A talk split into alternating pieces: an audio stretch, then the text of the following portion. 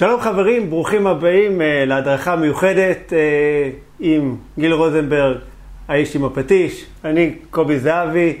היום אנחנו הולכים לדבר איתכם על הרבה דברים שקשורים כמובן לנדל"ן. נדבר על אה, כל הנושא של תוכנית עסקית, על חקר שוק, איך מאתרים דירות שהן off market, איך רואים בכלל דירות.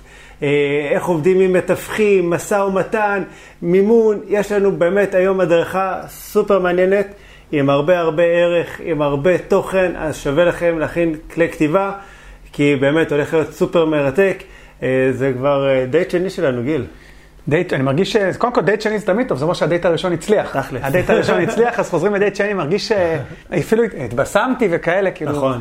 באתי, לא, לא, באתי במיוחד, אמרתי לא דייט... התגלחת לכבודי, לא, אבל בסדר. דייט שני זה כבר יותר. מיוחד, וכן, אין כמו כן, דייט שני. אין, ת- תכלס, כנראה שהראשון באמת... כבר מוצאים את היה- המקום יותר טוב, הכל כאילו, כן. יש חנייה פתאום. כבר יודעים איפה.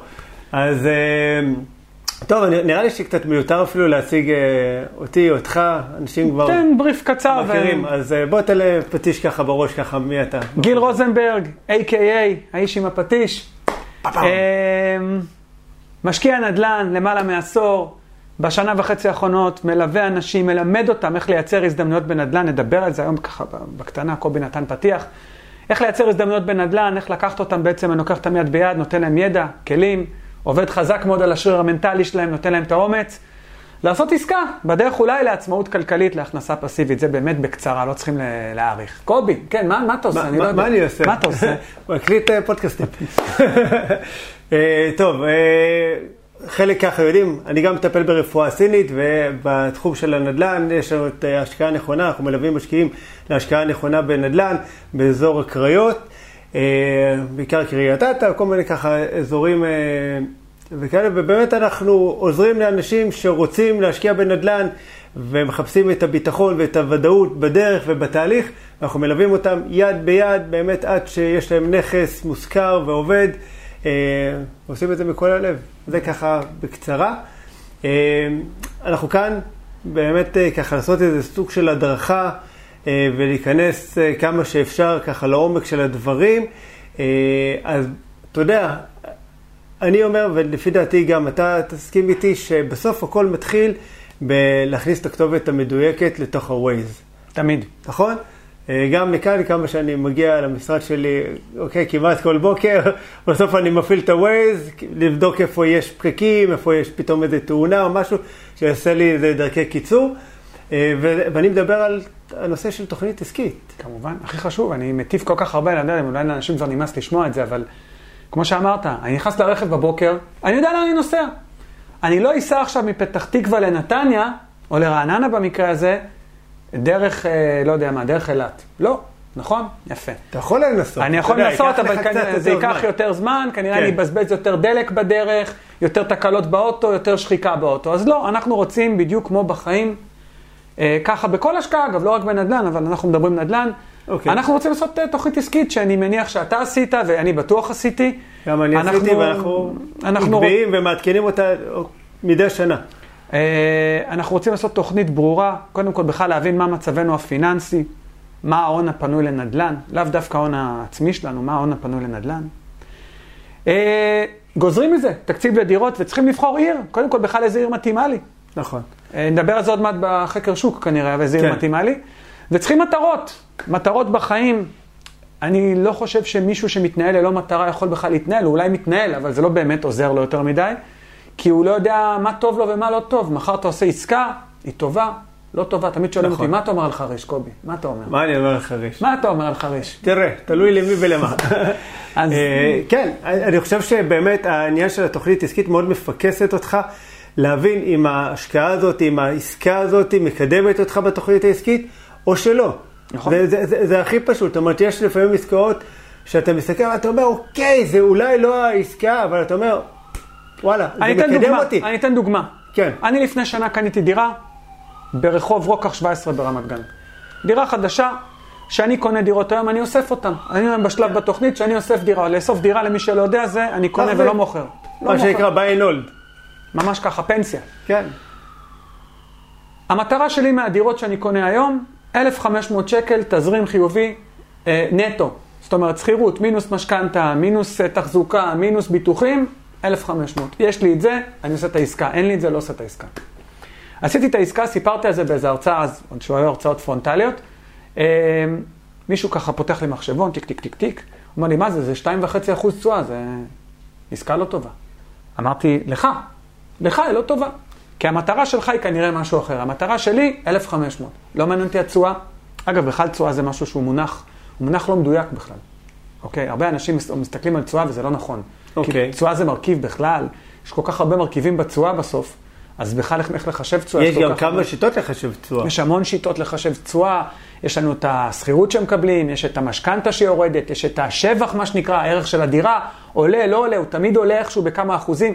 יש מיליון ואחד דרכים לחשב, לא ניכנס לזה פה עכשיו, זה לא... כן. זה באמת מסובך, אבל אנשים בפועל לא מחשבים את זה נכון, ומסתכלים על זה לא נכון. שואלים אותי הרבה פעמים, איפה התשואה הכי טובה בארץ? מאיפה אני יודע? אני יכול להדיע, אני עושה היום עסקאות כאלה, מחר כאלה, אין, אין מקום עם תשואה טובה או לא אתה טובה. יודע, לפעמים אנחנו לוקחים גם דירה שבבסיס שלה התשואה יכולה להיות, סתם, שלוש וחצי אחוז, אוקיי? בפריפריה, שזה לא, לא הרבה.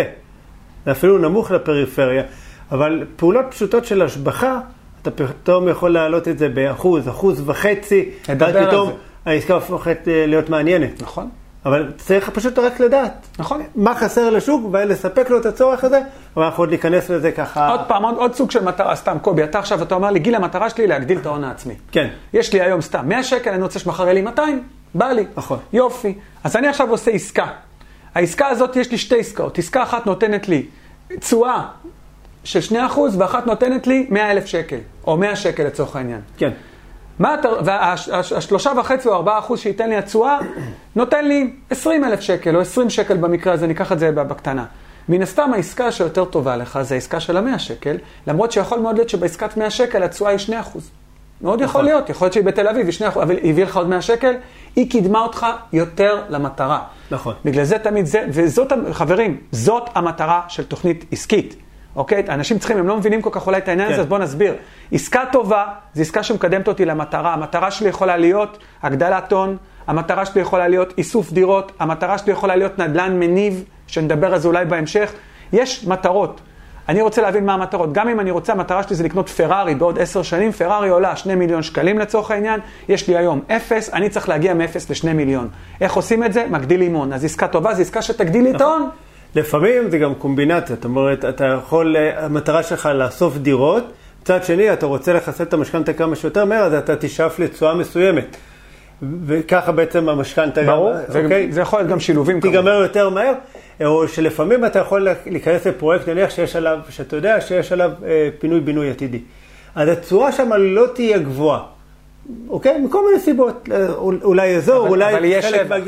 אבל אתה יודע שיש שבח, שיש עתיד מבחינ... לנכס מבחינת עליית ערך. כמובן. אז אז זה לא מעניין. אתה, אתה אומר, אוקיי, סבבה, אז יש לי 2.5 אחוז תשואה, 3 אחוז תשואה, 2 אחוז תשואה, לא משנה. אבל בעוד שנתיים, שלוש, חמש שנים אני יודע שהכפלתי את ההון העצמי שלי, שלא יודע מה, עשיתי עליו עוד 50 אחוז. תכף זה נדבר- הופך להיות תכף- אה, באמת כדאי. תכף נדבר גם איך אתה יודע את זה, כי זה כבר חקר שוק. נכון. איך אתה יודע את הדברים, את מה צופן העתיד בעצם, כי הרבה פעמים איך כן. אתה יודע, איך אתה יודע, ואני תמיד אומר, הכל כתוב. אה, אתה יודע, ללכת, למדנו בגיל שנה, שנה וחצי, תלוי, כן. יש כאלה, אני אולי בגיל שנתיים, לא יודע.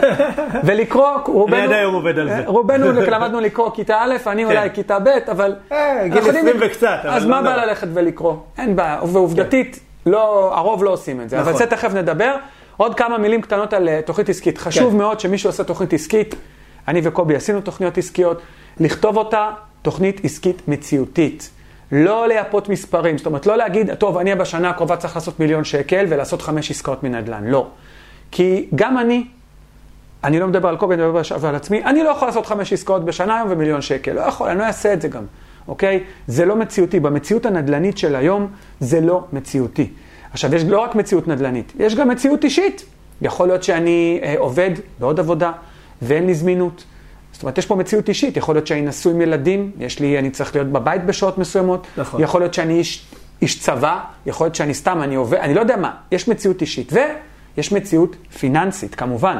זאת אומרת, אני לא יכול להגיד היום, אני רוצה בעוד, אני יכול, הכל אני יכול כמובן, אבל אם אין לי היום הון עצמי, או יש לי 100 אלף שקל הון עצמי, ואני אומר לעצמי, אני עכשיו בונה תוכנית שבעוד עשר שנים יהיה לי 50 אלף שקל הכנסה פסיבית נטו, כן. דוגמה.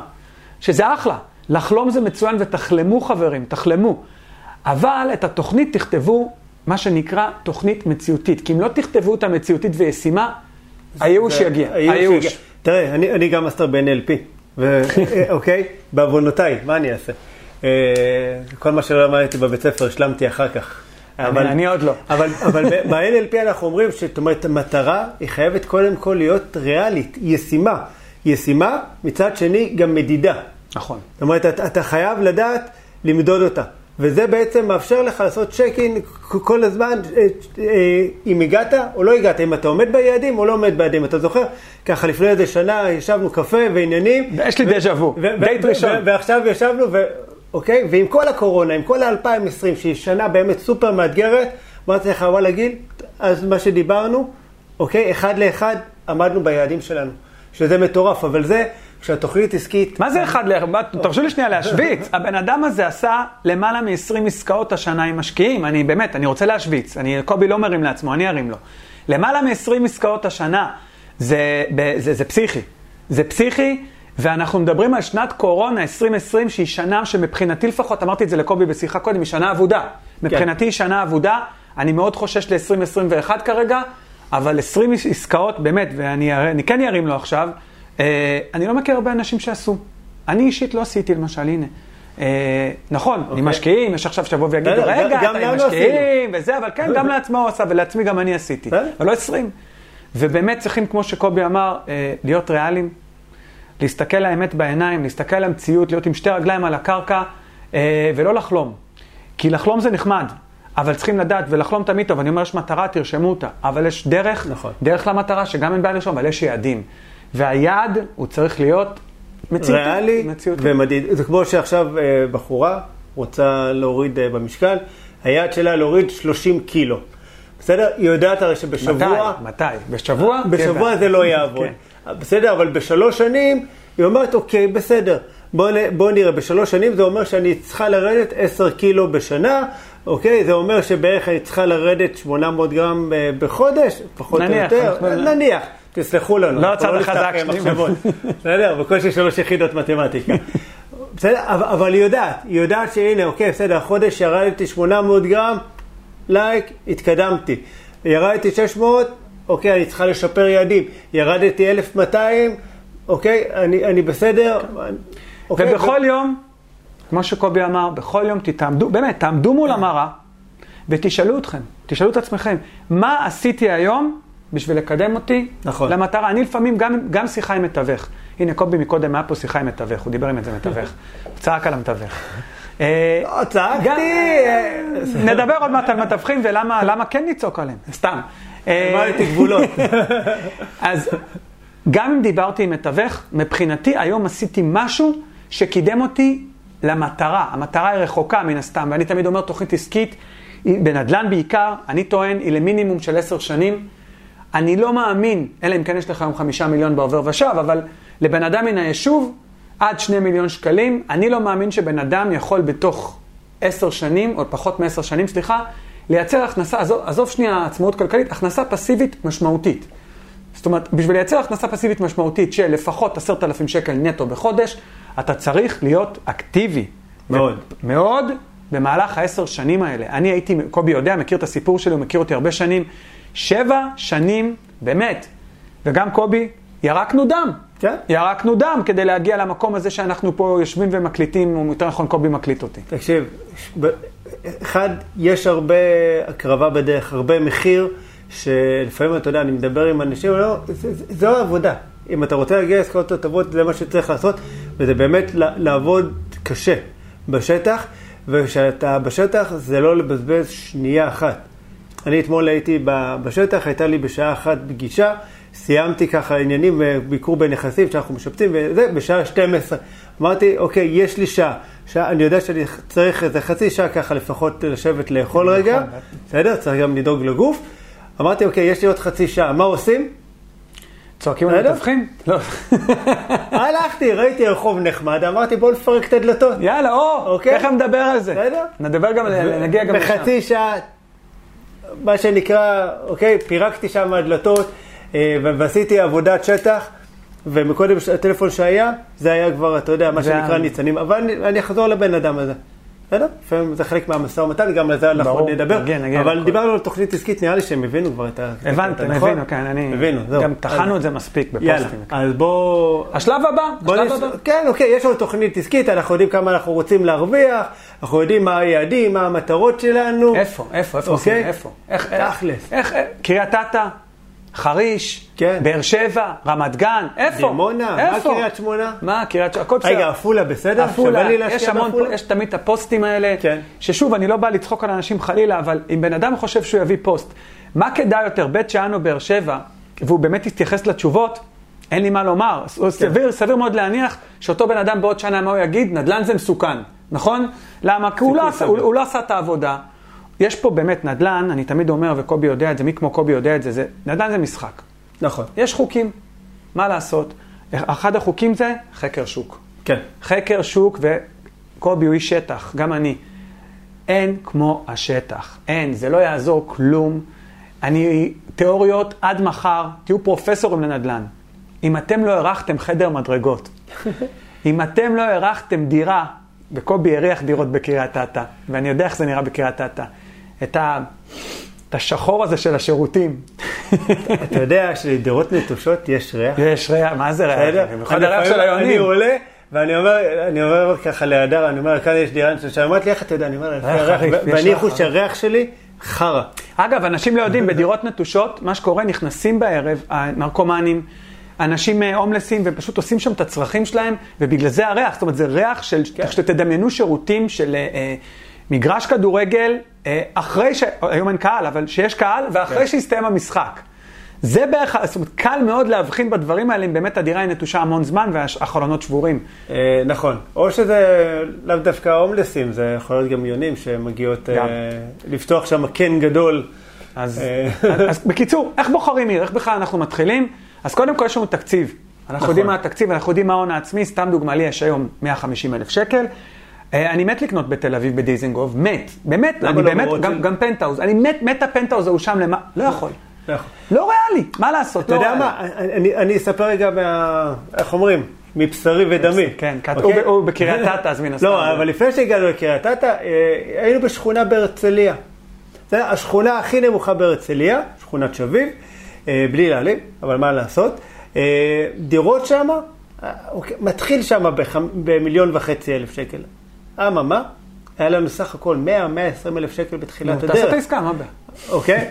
איך בכלל אתה יכול עם 100 אלף שקל לקנות דירה במיליון, במיליון וחצי? היום אני יודע שזה אפשרי.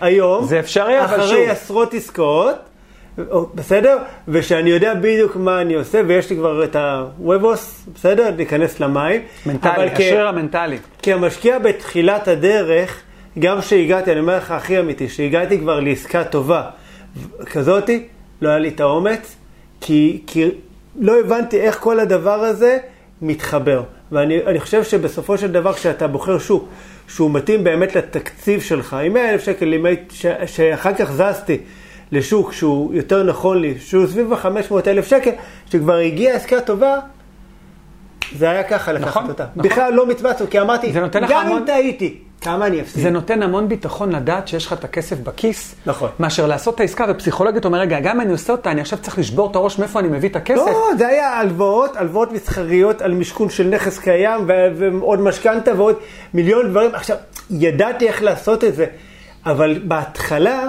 זה, זה נראה לך, אוקיי, איך אני מחבר רגע את כל החלקים האלה? נכון. ש... אז חברים, תקציב. תקציב. לבחור תקציב טוב, אמיתי. תהיו כנים עם עצמכם, כן. לא להמציא כסף, או לא לבנות על כסף שלא יהיה. אם זה לא בחשבון בנק, זה לא קיים. בדיוק. דבר נוסף, זה קרבה לאזור מגורים. זמינות, זמינות. זמינות. כי אה, סבבה להשקיע באילת, אוקיי, יכול להיות נחמד, יכול להיות שיש שם אחלה. עסקאות. אני לא רואה את עצמי נוסע ארבע שעות לכל כיוון, כמה פעמים בשבוע. יפה. לפחות פעם בשבוע. קובי פעם, כמה פעמים, הוא עובד הרבה עם משקיעים, הוא צריך. פעם אני כבר יש בשבוע. לי סיסטם, אין לי, פעם יש לי בשבוע, מחויבות. עשר שעות, קחו בחשבון, כולל נסיעות. זאת אומרת שאתם, אם אתם היום עם תקציב של 150 אלף שקל, אתם צריכים להתחיל לחשוב אם יש לכם את הזמינות לאזורים דרומית לבאר שבע, צפונית לחיפה, קריות, אה, כי שם יש את העסקאות האלה. מה לעשות? זאת המציאות, אגב, זאת המציאות הנדל"נית. אפרופו תוכנית עסקית, זאת המציאות הנדל"נית.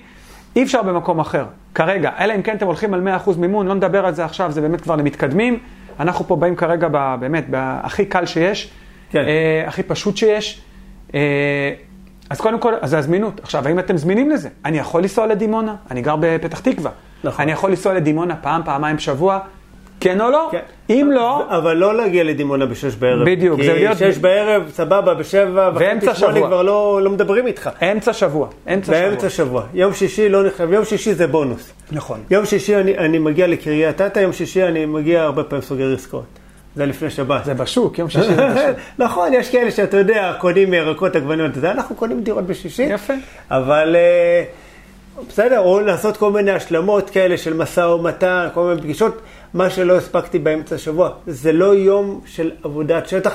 גם למתווכים, חלק מהמשרדים לא עובדים בשישי, חלק מהמתווכים, אין להם סבלנות נכון. זמן אליך ביום שישי, לשבת, להסתובב איתך, להראות לך נכסים באיזי. אגב, שאני, לפני שאני מתחיל את התהליך עם, אה, עם תלמידים שלי, אני עושה איתם שיחה, שיחת כן. תיאום ציפיות. בשיחה אני ישר שואל אותו, תגיד, מה הזמינות שלך? כי אם אין לך זמינות, אין לך מה להגיע. אתה נכון. תיכשל. אתה תיכשל, אגב, בחקר שוק, אתה, לא, אתה פשוט לא תסיים נכון. אותו, אתה לא תגיע אליו. אז הזמינות, חברים, מאוד חשוב. הדבר הבא, וגם האחרון מבחינתי בעיר, שכירות, שכירות בסמך. כמות עסקאות שהייתה, כמות עסקאות עכשיו, גם נכון. למכירה וגם להשכרה, הרי אתה יכול לבחור את העיר הכי מוצלחת בעולם, אם אין שם עסקאות, אתה תחקור עד מחר, אתה לא תוכל לעשות עסקה. אם אין שם עסקאות, לא תוכל למכור, לא תוכל להשכיר, אז מה, אז מה זה יעזור? אתה יודע מה גרם לנו תכלס בסוף לצאת מהרצליה? משם- אחרי שגילינו שבסופו של דבר, אוקיי, בשנה יש שם שתי עסקאות. הנה. אוקיי? אתה אומר, שתי עסקאות בשנה, עסקה אחת זו עסקה שאנחנו הגענו אליה, ובאמת ככה הצלחנו להביא אותה למחיר שהוא היה טוב, אה, וכאילו, ועוד איזו עסקה אחת שנמכרה, מישהו הסכים נכון. לקנות, ואתה אומר, רגע, זהו? עם זה אני עובד, עם שתי עסקאות בשנה, כאילו זה קצת, אה, אתה יודע, אין בשר. אז אתה קצת זז הצידה, ואתה פתאום קולט כל מיני ערים או שכונות אחרות שיש שם עשרות עסקאות בשנה, ואז אתה אומר, אוקיי, כאן יש לי הרבה יותר עם מה לשחק. נכון, נכון הרבה מאוד. יותר אה, קלפים אה, לשחק איתם. אז יאללה, אז בחרנו עיר. נניח, בחרנו. בחרנו את קריית אתא, לצורך אוקיי. העניין. אה, איפה בקריית אתא? מה זה, אומנם קריית אתא לא כזאת גדולה, אבל היא מספיק גדולה כן. להבין איפה. אז אני תמיד אומר, קובי איתי, למדנו אצל אותו מנטור, שוק נדל"ן, קודם כל אני, אה, זה 18 רחובות. בתוך העיר, בתור, שמונה עשרה רחובות. ב- בינתיים, בתור התחלה, אוקיי. קובייה, קובייה קטנה. בעיניי אפילו הפרזת, כי שוק, מבחינתי שוק, זה אפילו איזה שכונה. אוקיי. ואני אני, אני אומר בהתחלה, תראה, אני לא גאון בקריית הדור. אתא, אגב, שכונה זה בערך 18 רחובות, לא? אה, לא, בערך, לא- כן, משהו כזה. תל אביב זה יותר קצת. אבל אני מתוך זה, לפחות שאני מתחיל לעשות חקר השוק, לוקח שתי רחובות. וואלה, שתי מעניין. רחובות. למה? המוח שלי פיסטוק קטן, מעניין. לא יכול להכיל הרבה עכשיו הם אינפורמציה. כולם בטח ישאלו, רגע, למה שני רחובות, קובי? למה בעצם? למה? שני? כי אני רוצה ללמוד מהר ויסודי. אני רוצה לדעת מה ה-X של כל דירה. כמה כל דירה שווה, כמה עולה הדירה בבניין הזה בקומה ראשונה, שנייה, שלישית, רביעית. בול. מה ההבדל בין הצ- הצד האי-זוגי לצד הזוגי, איפה יש יותר ביקוש, איפה יש פחות ביקוש, כמה משכירים כל דירה, מה השוק דורש. עכשיו, אם אני הולך לכל השמונה רחובות, נהיה לי סבתוכי, אני מתפזר, אני כבר לא יודע, ורוב הסיכויים שאני גם אפרוש בדרך. מה שקובי מנסה לומר, תקן אותי אם אני טועה, זה שהוא רוצה להכיר את האוכלוסייה בשתי הרחובות האלה ברמת הבושם. נכון. איזה בושם הם שמים, אוקיי? ו- וזה, אמנם לקחתי את זה לקיצון, אבל זה נכון. אני יותר ברמת. איזה תבשילים, וואלה, תקשיב, אף לא אוכל. במקרה של קובי, שני רחובות, אבל בגדול, שמונה, כן. עשרה רחובות, שוב, תלוי בגודל הרחוב, יש רחובות של גדולים. נכון, יש גם אה, רחוב של שלושה בניינים, כן. אז סבבה, קח שלושה רחובות. 18 רחובות, לשיטתי עד 300 בתי אב, בתי אב זה דירות בבתי קומות, לא מתעסקים עם פנטהאוזים, לא דופלקסים, לא דירות גן, לא צמודי קרקע למיניהם, בבנייה רוויה. חברים, בנייה רוויה זה בנייה זהה. זאת אומרת, זה לא צריך שהבניינים יהיו פייסט, אבל פחות או יותר, שלוש קומות על עמודים, ארבע קומות על עמודים, בנייני נכון. רכבת, רבי קומות. תבינו מה זה, כי יש הרבה אנשים שנתפסים, רגע, פה אבל, בזה יש עיגול, ושם זה פינה ישרה. לא, תסתכלו על זה. זה מאוד מאוד פשוט לגלות בנייה רוויה. נכון. בנייה, אנחנו בעצם רוצים להשוות, תמיד אני אומר תפוחים לתפוחים. בדיוק. כשאני אדע מה זה תפוח, תכף נפרט בדיוק מה זה תפוח, תפוח זה דירה אגב לצורך העניין, אני רוצה לדעת שאני נכנס לדירה ואני מסתכל כולם מסתכלים מה הם רואים עכשיו. אני מסתכל מה אני עושה מהדירה, איך אני משביח את הדירה. אם אני יודע שבשוק שלי דירות שלושה חדרים לדוגמה עולות שני מיליון, ודירת שני חדרים מעל 60 מטר, פחות או יותר עולה מיליון 650 מיליון 700, ועכשיו אני רואה דירת שני חדרים, 65 מטר, ואגב סיפור אמיתי, מעסקה שעשיתי לפני שנתיים, אז אני רואה שלושה חדרים במכירה. אני רואה שלושה חדרים ששווה שני מיליון, אז אני אקנה אותה במיליון 650 מיליון 700, וכולם יגידו לי, מה, מה, מה אתה פראייר? בואנה, קנית במחיר שוק, נכון? נכון. מה איכס, מה זה? לא.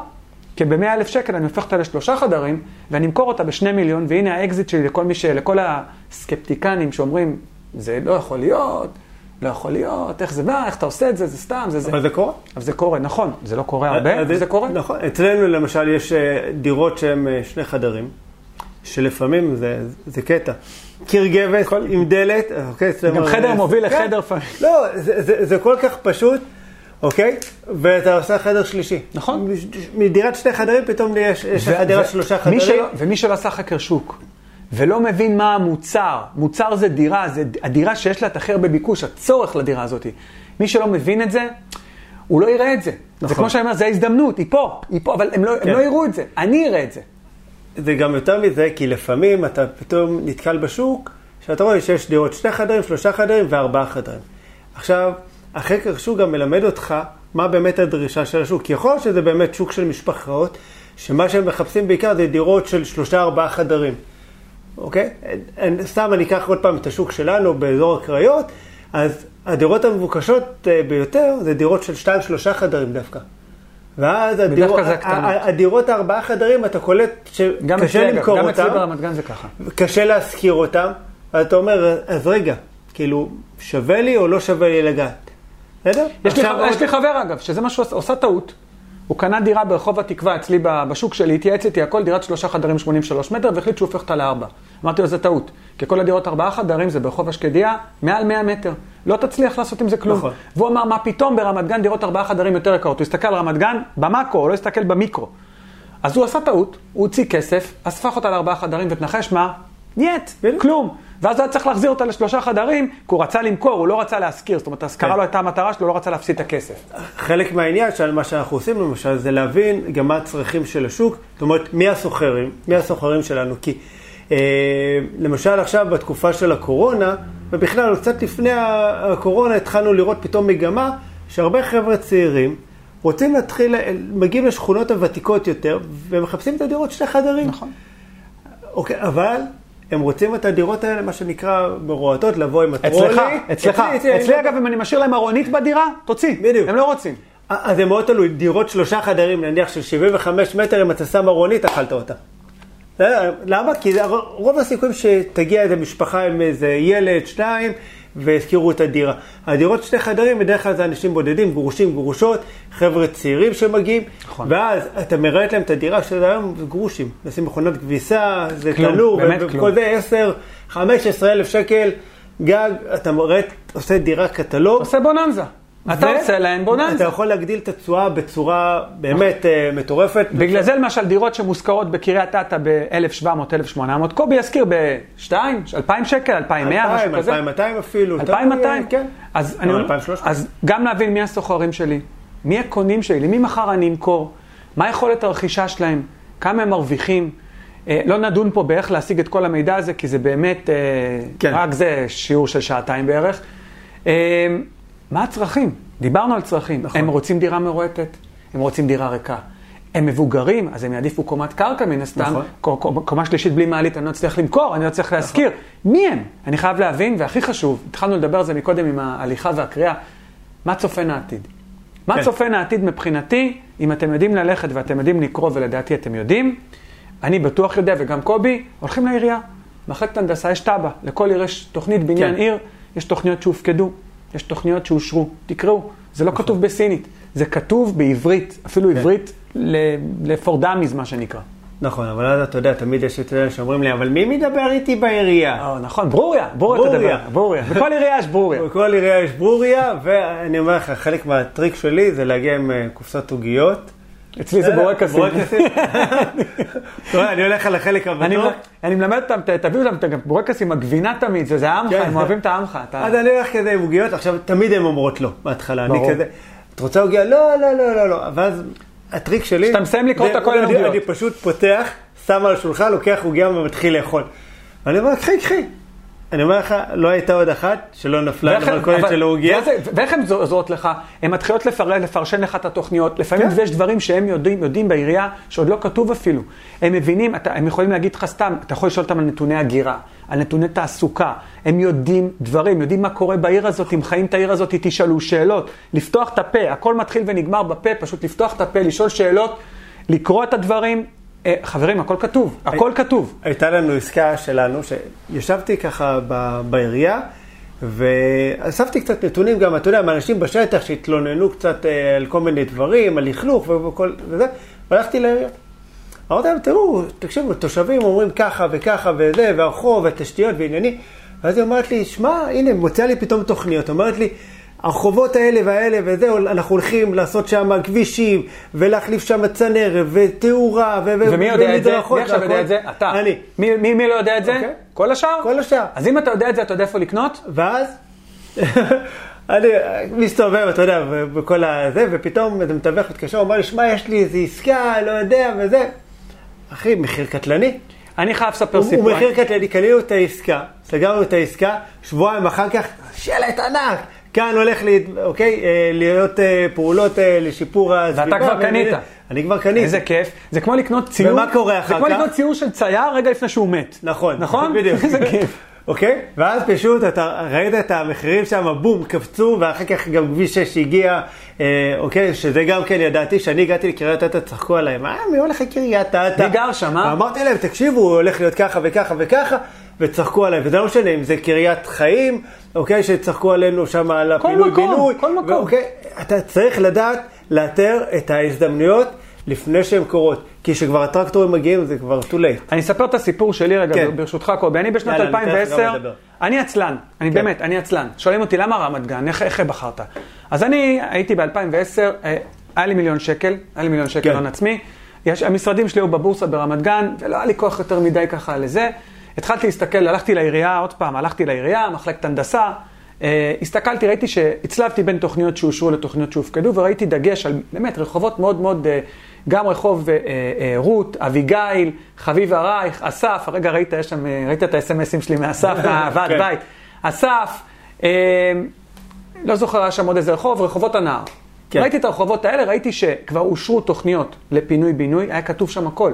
היה כתוב שם אפילו המכרזים שיצאו, בניינים של 7-8 קומות, 28-30 דירות בכל בניין, זאת אומרת, יודעים הכל. ואז ראיתי תוכניות שהופקדו, ועל אותם רחובות ראיתי עוד תוכניות. זאת אומרת, אני, המסקנה שלי הייתה, אלה הרחובות שהולכים לעבור חריש, אפרופו חריש, כן. הולכים לבנות שם שכונה של בנייני בוטיק, אני לא יודע מתי, כי לא כתוב מתי, אבל שם אני קונה. וזה היה כתוב, ומה אומרים לי היום כולם? בואנה, איזה פוקסיונר אתה. איזה מזל היה לך. איך כל דירה שקנית, פינוי-בינוי, נכון? עכשיו, לא באמת כל דירה שקניתי פינוי-בינוי, אבל הרבה כן. כן. אבל אני ידעתי מה אני עושה. לא ידעתי מתי, אבל גם לא נקרא הימרתי, אני בא להגיד הימרתי על האזור הזה. בחרתי באזור הזה, בתוך כל רמת גן, ורמת גן עיר יחסית גדולה, קצת יותר גדולה מקריית אתא, כי בדקתי מה צופן העתיד. שוב, אתה לא יודע מתי, אבל אתה יודע אם זה הולך להיות עתיד ורוד או לא ורוד. גם לעצמי, גם למשקיעים, אנחנו אומרים, תראו, זה יכול לקחת חמש שנים, עשר שנים, חמש עשרה שנה, אנחנו לא יודעים. אל תתפסו אותי ב- בלוח הזמנים, אני, אני. לא אחראי. אנחנו לא נביאים. אני. לא אחראי על הטרקטורים. אבל, לפי המידע, בסדר? כאן זה מה שצפוי להיות. אלא, אתה יודע, אנחנו חיים במדינת ישראל, אבל בסוף, אתה יודע, אתה מסתכל על הרחוב, אתה רואה שיכונים כאלה, מה לעשות, אתה יודע, לא מפוארים, ומ- ומעבר לכביש, אתה רואה בניינים חדשים שנמכרים כמעט במיליון שבע מאות, נכון. כמעט שתי מיליון. ואתה אומר, זה לא הגיוני. נכון. זה מיליון שבע מאות. חוק הכלים הש- חוק הכלים השלובים. 500-600 אלף שקל. מה הסיכוי שעל קרקע כזאת יקרה ישאירו את השיכונים האלה של שתי קומות ולא יגלחו אותם וירימו. שם פתאום בניינים של יפים של עשר קומות חדישים? למה שזה לא יקרה? יופי. אז קובי, אוקיי. בחרנו עיר, בחרנו בחרנו קובייה, נקרא לזה. כן. בחרנו קובייה. יאללה, צריכים לאתר דירות עכשיו, לא כאילו... מה? אז יד שתיים, נכון? ברור. יא- רק יד שתיים. אנחנו לא אוהבים להזיע. יושבים בחדר, יד שתיים ומדלן, מדלן, מדלן, כן. את... ואתה רשות המיסים, זה חשוב. נכון, אתר רשות המיסים, בודקים בכמה נסגרו עסקאות, וזהו, ונגמר. אז סיימנו אפשר לעבור אפשר לנושא. הבא. סתם. אז אה, זוכרים שקובי מקודם אמר שהוא הולך ומפרק דלתות? הוא לא באמת מפרק אותם, כי לא, יעצרו אותו, אותם, כן. יעצרו. אבל אה, פה יש עבודה שאני תמיד אוהב לומר אותה, וכולם אומרים, מה, באמת, איך? חברים, רחוב רחוב, בניין בניין, דירה דירה. דלת דלת. דלת דלת, כן. דירה דירה. אתם דבר ראשון בודקים, עושים, אני קורא לזה מסדר המפקד, עושים על הידית ככה, לראות אם יש אבק, נכון. נכון? איזה כיף אם יש אבק, אבל צריכים לנקות, תלכו עם מטלית. הנה טיפ, תלכו עם מטלית, נקו את האבק, נקו את הדלת. אל תשאירו סימנים. אל תשאירו סימנים, זה מה שנקרא תעלימו ראיות. אתה יודע, יש איזה בניין אחד, מי שמסתובב בקריית אתא יודע, אבל יש בניין, דירה, היא לא נטושה, אין כבר חלונות, שמו בלוקים, אטמו אותה. עכשיו אני בא לדייר, אני אומר, תגיד לי, מה הסיפור של הדירה הזאת? הוא מסתכל, הוא אומר לי, איזה דירה, כאילו, אמרתי לו, לא גר באף אחד. הוא מסתכל, אני אומר לו, אין דלת. שמו, אתה יודע, עצמו את זה אפילו עם אה, גבס. זה עוד לא, אני ראיתי הוא דלת אומר לי, צרופה פעם. זה וואי, לא- אחי, אני בחיים לא שמתי לב, אני גר כאן שנים. אז היה, זה- אבל... זה עיוורון, הם לא שמים לב אה, לדברים כן, האלה. ממש, אז- הדירה אטומה. יפה, אז. באתי, דפקתי. אני שואל שאלה מאוד פשוטה, ואני אתן לכם ספוילר קטן, הרוב לא יענו, יכול להיות שיצעקו, יכול להיות שיקללו. אה, זה לא אומר שצריכים להתייאש, הכל בסדר, מותר. דופק, שלום, אני מחפש לקנות דירה בבניין. נכון. תגיד, אתה מכיר מישהו שמוכר? אולי אתה מוכר, נכון? נכון. אם, אה, מה אני בעצם עושה, קובי? אני נוטע בו איזושהי מחשבה. יכול להיות שהם חושבים למכור. תראו, אני אגיד לכם טיפ קטן, על בעיקר מבוגרים. קובי יודע את זה בטח. הם מפחדים למכור גם הם רוצים למכור. נכון. הם מפחדים שיסתובבו להם בבית, על אחת כמה וכמה קורונה, אנחנו צריכים לומר, הדבר, הסרטון הזה מצולם בדצמבר כן. 2020. כי סוף אם- דצמבר. אם מישהו פתאום יראה אותו בעוד שנתיים, יגיד, מה, מה זה קורונה, נכון? כן. אני מקווה מאוד שהוא יגיד מה זה אה, קורונה. יש חיסון כבר, מה אתם עושים מה- בזה מה, קורונה, בלאגן? איזה תירוצים, מה זה השטויות האלה? כן. אז אה, הם מפחדים שיסתובבו להם בדירה, הם מפחדים שיעבדו עליהם גם, הם מפחדים ממתווכים שיעבדו עליהם, ויכול להיות שהם משתעשעים במחשבה של למכור, ופתאום באתי להם, וואלה, באתי טוב, כן. נכון? וואלה, חשבתי למכור, בוא... אני, אני גם שואל את זה בצורה הזאת, חשבת למכור את הדירה? למה? כי אני משאיר לו את זה אחד פתוח, שתיים, אתה יודע, הרבה אנשים חשבו למכור את הדירה. לא אתה רוצה, כי הוא רוצה, יכול להיות שהוא לא רוצה, אבל לחשוב, יכול להיות שהוא חשב על זה לפני שבוע, נכון. חודש, שנה, שנתיים, וזה קצת לעבוד עם התת מודע, נכון? בכל זאת NLP, הכל. פה- הכל פה פסיכולוגיה, אני טוען. אה, בדיוק, וזה מתוך ניסוי וטעייה, איך לשאול את הדברים, אז הנה ככה טיפ, אה, לא חשבת למכור את הדירה? כן, אז גם אם הוא חשב, גם אם לא, אה, יכול מאוד להיות שכן, תיקח ממנו טלפון, תראה את הדירה, תכף נדבר איך רואים דירות, בקטנה ככה. כן. ותתחיל להתקשר אליו פעם בשבועיים, שלושה, מה שנקרא, תתחיל אה, לדרבן אותו לעשייה, להניע אותו, מה שנקרא, גם אם הוא לא יודע שהוא מונה לפעולה, תניע אותו. זה לא תמיד עובד, נכון? מה לעשות, אם הכל היה עובד, החיים היו דבש. לפעמים גם צריך להבין מה, מה האינטרסים. אני אתן דוגמה, יש איזו דירה נטושה שבאמת חודשים לקח לי לאתר את הבעל דירה, עניינים של רישום והכל. השכן דלת ליד כל פעם, בסדר? הייתי דופק עליו, אה, כאילו בדלת, מה קורה, אתה יודע מי זה? לא יודע, לא מכיר, לא, אין לו מושג. הגעתי לבעל הדירה, מסתבר שבעל הדירה זו דירת ילדות שלו. בסדר? הדירה, שוב, גדל שם, שוב כאילו. החיונים. בשיחה התברר לי שהשכן דלת ליד, הוא רוצה לקנות את הדירה. אה, זה תמיד יש את? השכן שרוצה לקנות. ואז, רגע, אבל אני הבטחתי לו זה, ולא נעים לי, אני מכיר אותו ואת הילדים וכאלה. ואז אתה כבר נכנס לכל מיני משא ומתן. תכף. נדבר על משא ומתן, למה, השכנים זה בעייתי, תכף נדבר על זה. כן. אה, דפקתי, אני אתן לכם עוד איזה טיפ קטן לכאלה שלא בא להם לדפוק על דלתות ומתביישים, יאללה, שימו בתיבות דואר, תדפיסו, פתקית קטנה, אה, בעברית, ברוסית, תלוי בשוק שלכם, באמהרית, בערבית, תלוי בשוק, זה לא משנה השפה. שימו בכל התיבות דואר, זה כבר באמת לא, לא טרחה, באמת, זאת לא טרחה, כן. אגב, אני אוהב שילוב של הכל. דרך אה, אגב, אני אפילו לא בתיבות דואר, להכניס אה, בדלת. גם, לתלות על הדלת. להם, אה, יש לי איזה תלמיד, יש לי איזה תלמיד שעשה את מגנטים. שם. מגנטים על הדלת. אחלה רעיון, חשיבה מחוץ לקופסה. שימו להם, תאמינו לי, התקשרו. אגב, אני אישית עשיתי ככה שתי עסקאות בחיי. נכון, שמתי על מאות דלתות. האחוזים הם לא משהו, כן. אבל זה שתי עסקאות בוננזה, אז אני אז אני מעדיף... קצת יותר. אתה, כן, מן הסתם, זה... אבל אה, אני קצת קרימינל בעניין הזה. נכון, אני- נכון. בשבילי אני- זה- אני זה פחות, הספורט. אני- אני. אגיד לך, אני שלוש פעמים בשבוע מתאמן, ראשון, שלישי וחמישי. מתאמן בדפיקות על דלתות, זה האימון. כן, אז אה, תשמע, צריכים גם בימים שאנחנו לא לא עושים ספורט לעשות ספורט. יפה, וכמובן, חברים, אה, תכף נדבר גם קצת על מתווכים. כן. הדירות הכי טובות, לטעמי לפחות, משהו שאני גיליתי על, על השוק שלי, ואני מניח שגם קובי תכף ירחיב, הדירות הכי טובות הן מתווכים. אצל המתווכים בדרך כלל יש את הדירות הטובות ביותר, נכון. קשה להשיג דירות ככה סתם, אין מה לעשות, זאת המציאות. אה, ותכף נדבר גם קצת איך עובדים מתווכים. צריך להבין שאתה יודע, מתווך, בדרך כלל הוא נמצא, זה האזור שלו, הוא חי שם.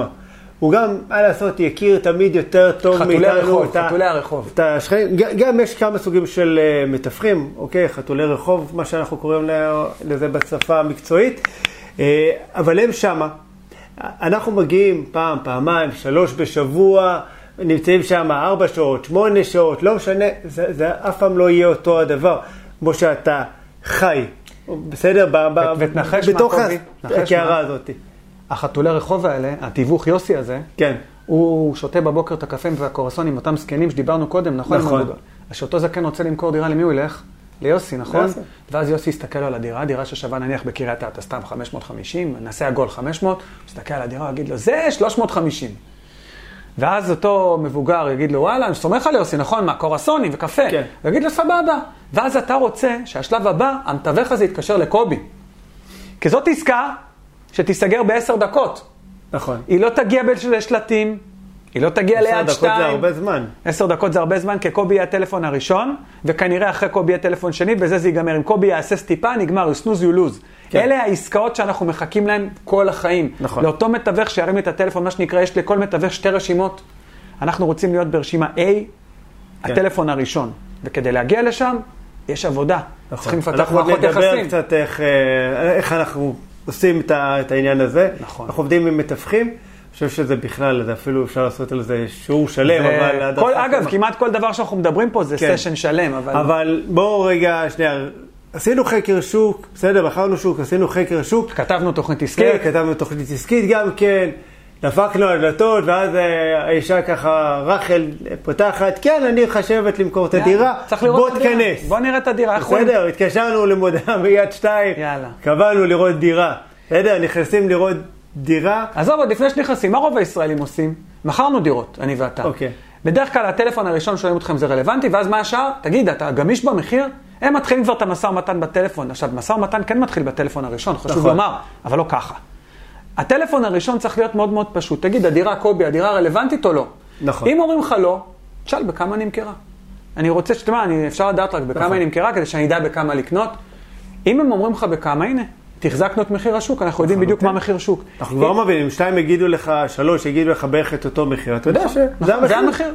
אם הם לא אומרים, יש כאלה שלא מה לעשות? אז אין בעיה, יש לנו כתובת? כן. יש רשות המיסים. עוד חודש וחצי, חודשיים, נסתכל, עוקבים אחרי נכון. הדירות, עושים אקסלים, עושים מעקב אחרי דירות, אצלי זה נכון. מאוד מסודר. גם אצלי.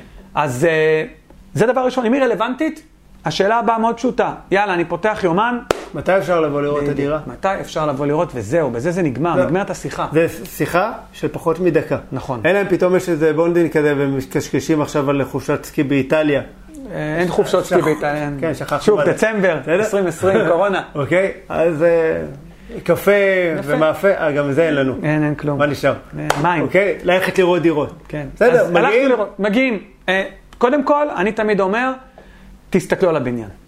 קודם כל, להסתכל על הבניין, כן. אנחנו מחפשים בעיות ויזואליות, גם בבניין וגם בדירה. אני אתן לכם סיפור מצחיק, שקרה לפני כמה חודשים, הלכתי לראות דירה, הסתכלתי על הבניין, אני מסתכל, אני רואה את השלט, את השלט למכירה, הוא היה דאוי. כאילו הוא עומד שם איזה עשר שנים. טוב, אני נכנס לדירה, אני מסתובב, לא הייתי דקה וחצי בדירה, בא אליי המוכר, אומר לי, רק שתדע, אני, אני עוד לא החלטתי אם אני רוצה למכור, אני, אני פרסמתי רק אתמול. היה לי במחסן שלט. שמישהו אומר כזה דבר, והוא גם, הוא פנה אליי עם השקר שלו, הוא, הוא לא רק לחוץ, הוא בפאניקה, נכון? כן. אגב, את העסקה הזאת אני, עוד לא, עוד, היא עוד לא נמכרה, אני עוד לא יודע אם אני אעשה, לא אעשה, עוד לא עשיתי אותה נכון לנקודת זמן הזאת, אבל אנחנו מנסים בעצם לראות בעיות בבניין, לראות בעיות בדירות. ולנסות לזהות מה שנקרא כורח מציאות כן. אצל המוכר ומד לחץ. בדיוק. בעיות, דרך אגב, זה לא, לאו דווקא עכשיו שהדירה מתפרקת, זה יכול להיות גם בעיות רישום. ברור. אנחנו... אבל אה, זה בעיות, זה בעיות שאחר כך מדברים על זה, בעיות יותר סמויות כבר שמדברים. נכון, זה אתה צריך, צריך קצת להכיר גם את השוק. אצלנו לפעמים יש כל מיני נכסים שרשומים אה, בחברות משכנות. אני יודע כבר כל בניין, איזה בניין עשו עליו פרסלציה ואיזה לא. ו- ואני יודע שיש בניינים שהם בחברה משכנת, ש... ולפעמים יש שם בעיות רישום. אני יודע לטפל בזה, אוקיי? יש לי את העורכי דין שיודעים... עשית את זה פשוט. עשינו כבר עשרות עסקאות כאלה. אה, כל הצוות שלנו יודע איך להתמודד עם עסקה כזאת. רוב האנשים אה, פשוט בורחים מעסקאות כאלה, וזו ההזדמנות. ולפעמים, תשמע, אתה מוריד עשרות אלפי שקלים, ואתה יודע כמה עולה לסדר את הבעיות רישום האלה? לא הרבה. לפעמים כלום, לפעמים גם 3,000 שקל. בסדר, זה- 5,000 שקל, אבל שמע, הורדת לפעמים עשרות אלפי שקלים בעסקה. אתה יודע, תמיד אומר לתלמידים שלי, אנחנו, איפה שכולם בורחים ואומרים איכס, אנחנו נכנסים, נכון? נכון. זה בדיוק הדוגמה. זה לא- בדיוק הדוגמה מה שהוא אמר עכשיו. כולם בורחים, מה זה? גם אגב, גם בורחים הרבה פעמים, לפחות בשוק שלי, מדירות מחולקות. נכון. כי הן לא חוקיות או מחריגות בנייה. מה, אני אכנס עכשיו חריגת בנייה, מה, אני אתקן את זה? הם לא מבינים שלהרוס לא עולה הרבה. זה הרבה יותר כן. קשה, הרבה יותר, המחיר הרבה יותר כבד לבנות מאשר להרוס. נכון. אז זה, זה, זה, העניין, עוד פעם, זה גם מקשר אותנו לחקר השוק. זה תמיד. הכל, הכל בסוף- מתחיל ומסתיים בח- בחקר שוק, כן. אין מה לעשות. אז, אז נכנסים, אני חושב שרואים דירות, אה, חלק מהעניין זה לא עכשיו להתנחל בדירה, זה להיות קצר, ענייני ולעורר ציפייה. זאת אומרת, אני נכנס לדירה, המטרה שלי, גג בלחץ חמש דקות, אוקיי, הייתי שם. אני קורא לזה משחק. אני משחק משחק שבו אני מראה שפת גוף וטון דיבור של מעוניין, אבל מה שאני מחפש זה בעיקר את השפת גוף של המוכר ואת הטון שלו. אני מפתח איתו איזה דו-שיח, אני אתן תכף כמה דוגמאות לשאלות, שלא באמת אכפת לי מה הוא עונה לי, אכפת לי איך כן. הוא עונה לי. אני תמיד אומר שהשיחה בתוך שם מתחיל המשא ומתן, נגיע למשא ומתן, אבל אם, אני תמיד אומר, משא ומתן הוא בשלושה מישורים. המישור הראשון מתחיל בביקורים בנכס, אחר כך יש לי את המתווך, אם קיים, ובסוף בסוף זה הפגישה הרשמית מול המוכר, אבל זה מתחיל בנכס, ומשא ומתן בעצם, השיחה שלי עם המוכר, היא, היא כמו בדיקת פוליגרף, הרי בבדיקת פוליגרף איך זה עובד? תמיד שואלים את השאלות הבטוחות בהתחלה, איך קוראים לך, מה תעודת זהות, מה המספר טלפון. איך קוראים לך בנדל"ן זה, תגיד קובי, איזה, איזה דוד זה? חשמל, שמש, כן. נכון? מה השטח של הדירה? הוא יענה, והוא יענה בצורה מסוימת, בטון מסוים, בשפת גוף מסוימת. ואז תשאלו אותו שאלות טיפה יותר מסובכות. תגיד, מה מצב התחזוקה בבניין? שימו לב אם הוא שינה משהו, פתאום הוא שילב ידיים, הכניס כן. ידיים לכיס. גמגום, אם הוא מושך תשובה, אתה מכיר את זה שמושים כזה, אה, אמ. אה, מה זה, זה בונה שקר. כן. זה בונה שקר. רגע, אני צריך לחשוב איך אני מייפה את התשובה. כן, שב, איך השכנים? אותו דבר, כן. יכול להיות שהוא מסוכסך עם כולם, זורקים. לו ביצים לתוך הדירה. אה, בסדר. תראו איך הוא מגיב, אם תראו פתאום שהוא משנה איזה משהו, יש עוד המון שאלות, לא... עוד פעם, כל דבר כזה זה סשן פה של שעתיים, וקובי יעיף אותי עוד מעט. כן. אז אי אפשר לדבר, כי אם לי נותנים לדבר, אני אדבר.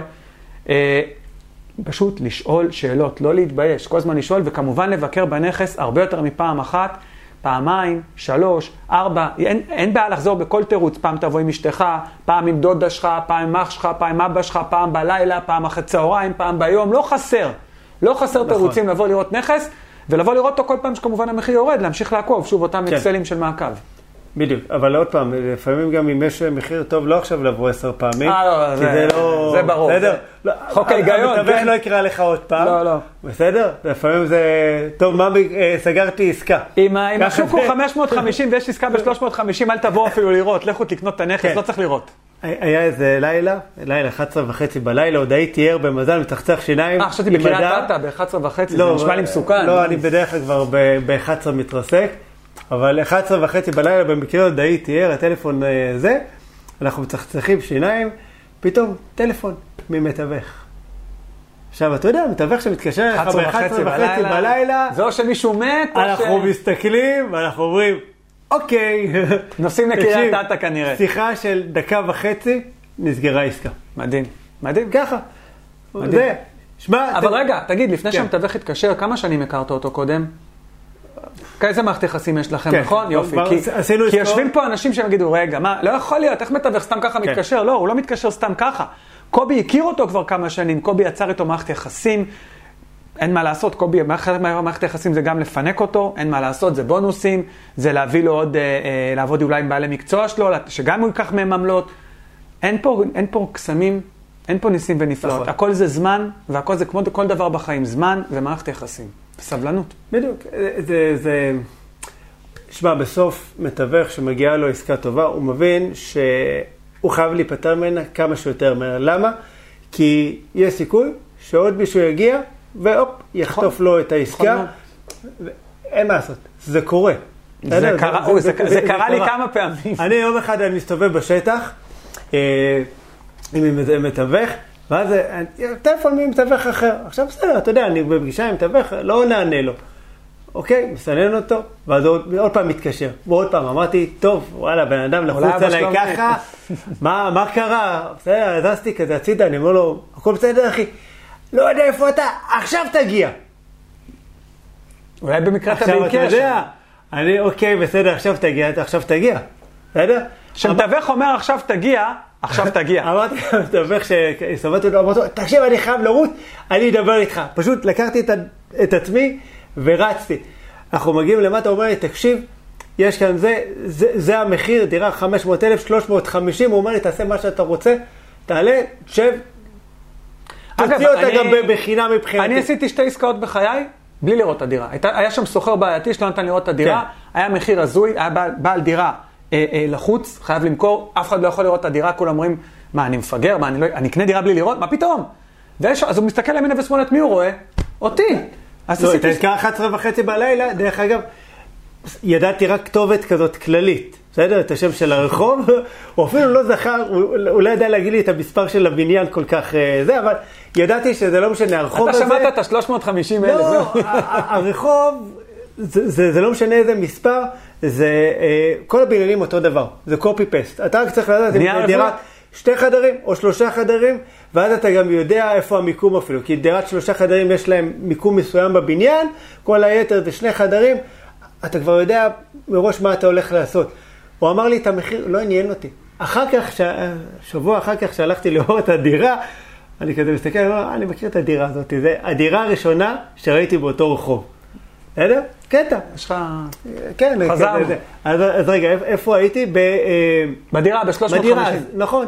הוא זורק לי, סבבה, יושב כזה, אה, עוד קצת אה, מדבר שם עם הגברת, אה, לפני הוצאה לפועל, אני יום שני, יום חמישי, אה, לפועל, הולכים. לעקל את הדירה, חגיגה. סבבה, סוגרים את כל הפינות, אני אומר לה, טוב, תקשיבי, אה, המתווך הולך לאכול, אני אומר לה, אני עוד שעה ככה אצלך, אה, לקפוץ עורכת דין וזה, נקדם את העניינים. בינתיים כבר התקשרתי לעורכת דין, שתתחיל להוציא כל מיני מסמכים, ככה לעשות איזה בדיקות מהירות אה, ככה על הנכס אה, ועניינים, כי אני יודע שיש שם כל מיני עניינים של רישום, צריך ככה בכל זאת קצת... למי אה, שקצת לא מבין, זה קצת למתקדמים, לא נדבר על זה הרבה, אבל מדובר בנסחי טאבו, תיק בניין, תיק בית כן, משותף, אני מעריך. זה, זה אישור זכויות, זה אפילו לא בטאבו, זה, אה, זה חברה משכנת.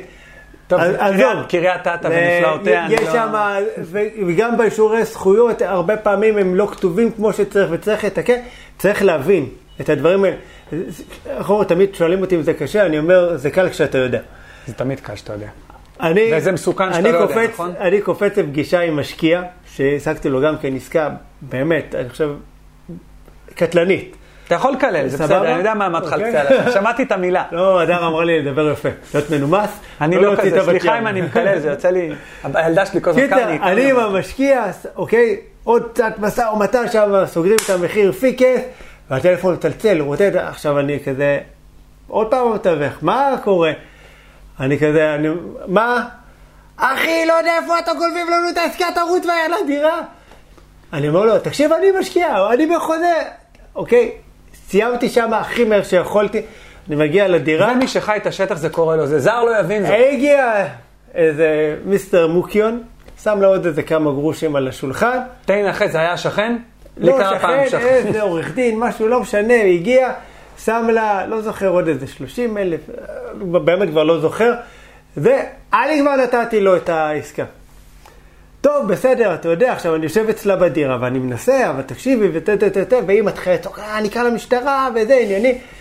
בסוף הבנתי שאין מה לעשות, כאילו, טוב, כאילו, אה, זהו, הפסדתי, אני אומר לך, תקשיב, דמעות בעיניים יצאתי מהדירה. אתה מרגיש כאילו חתכו לך את הכתף.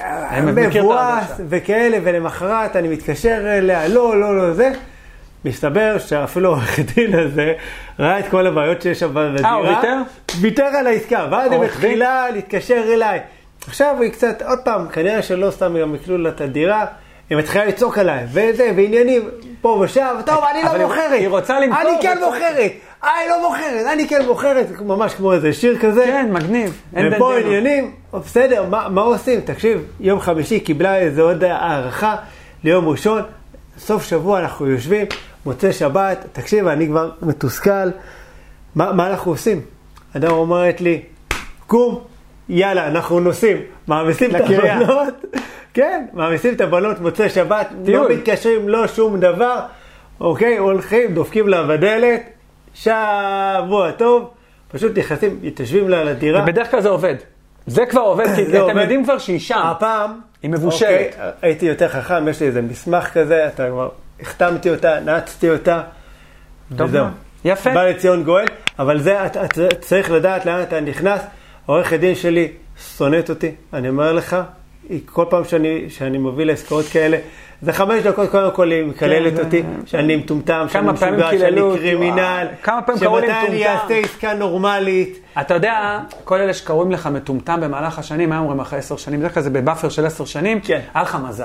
נכון. נכון? איזה מזל לך. התחלת מוקדם. כן. התחלת מוקדם. כאילו, מה זה מוקדם?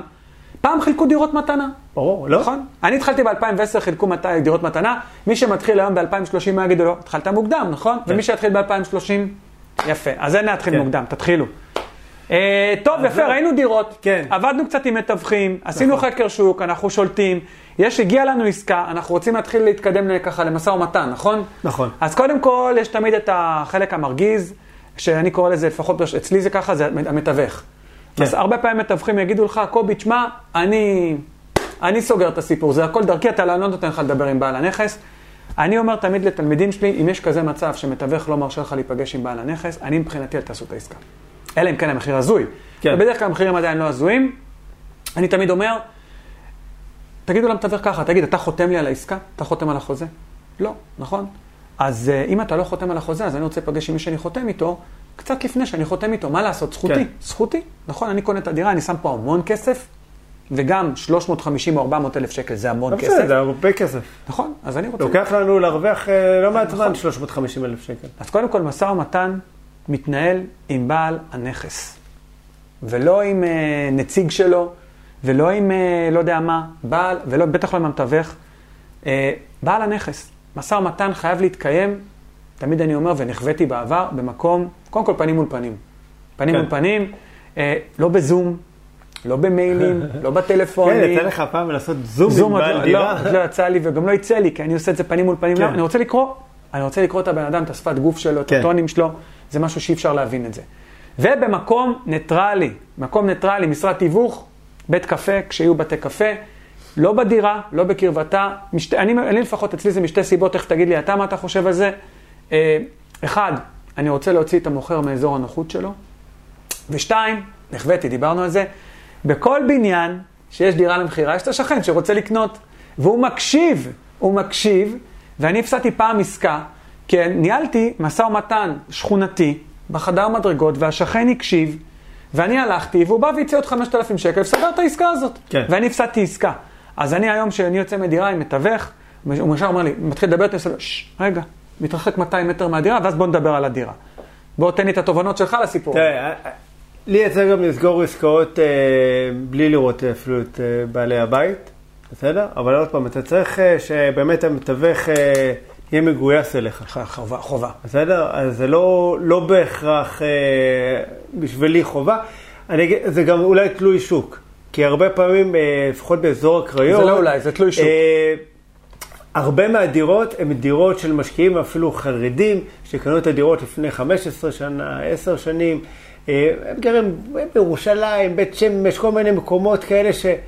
תקשיב, לפעמים הם לא ממש אפילו סגורים על אה, עברית. בסדר, מדברים יידיש וכל מיני כאלה, לא יידיש, כאלה עכשיו... באמת? כן, כן. יש כזה דבר? כל מיני חסידויות, קנינו באמת דירות, חסידות צ'רנוביל, אתה ידעת שקיים דבר כזה? אני ידעתי דברים אחרים בצ'רנוביל? לא על אז- חסידות. אז כן, אז יש, דרך אגב, ליד בית שמש חסידות של אה, צ'רנוביל, ככה היא נקראת. עכשיו. אין לך עם מי לדבר. בסדר? זה- זאת אומרת, אתה צריך איש קשר מהמגזר שם וכאלה. אגב, אבל זה העסקאות הכי טובות.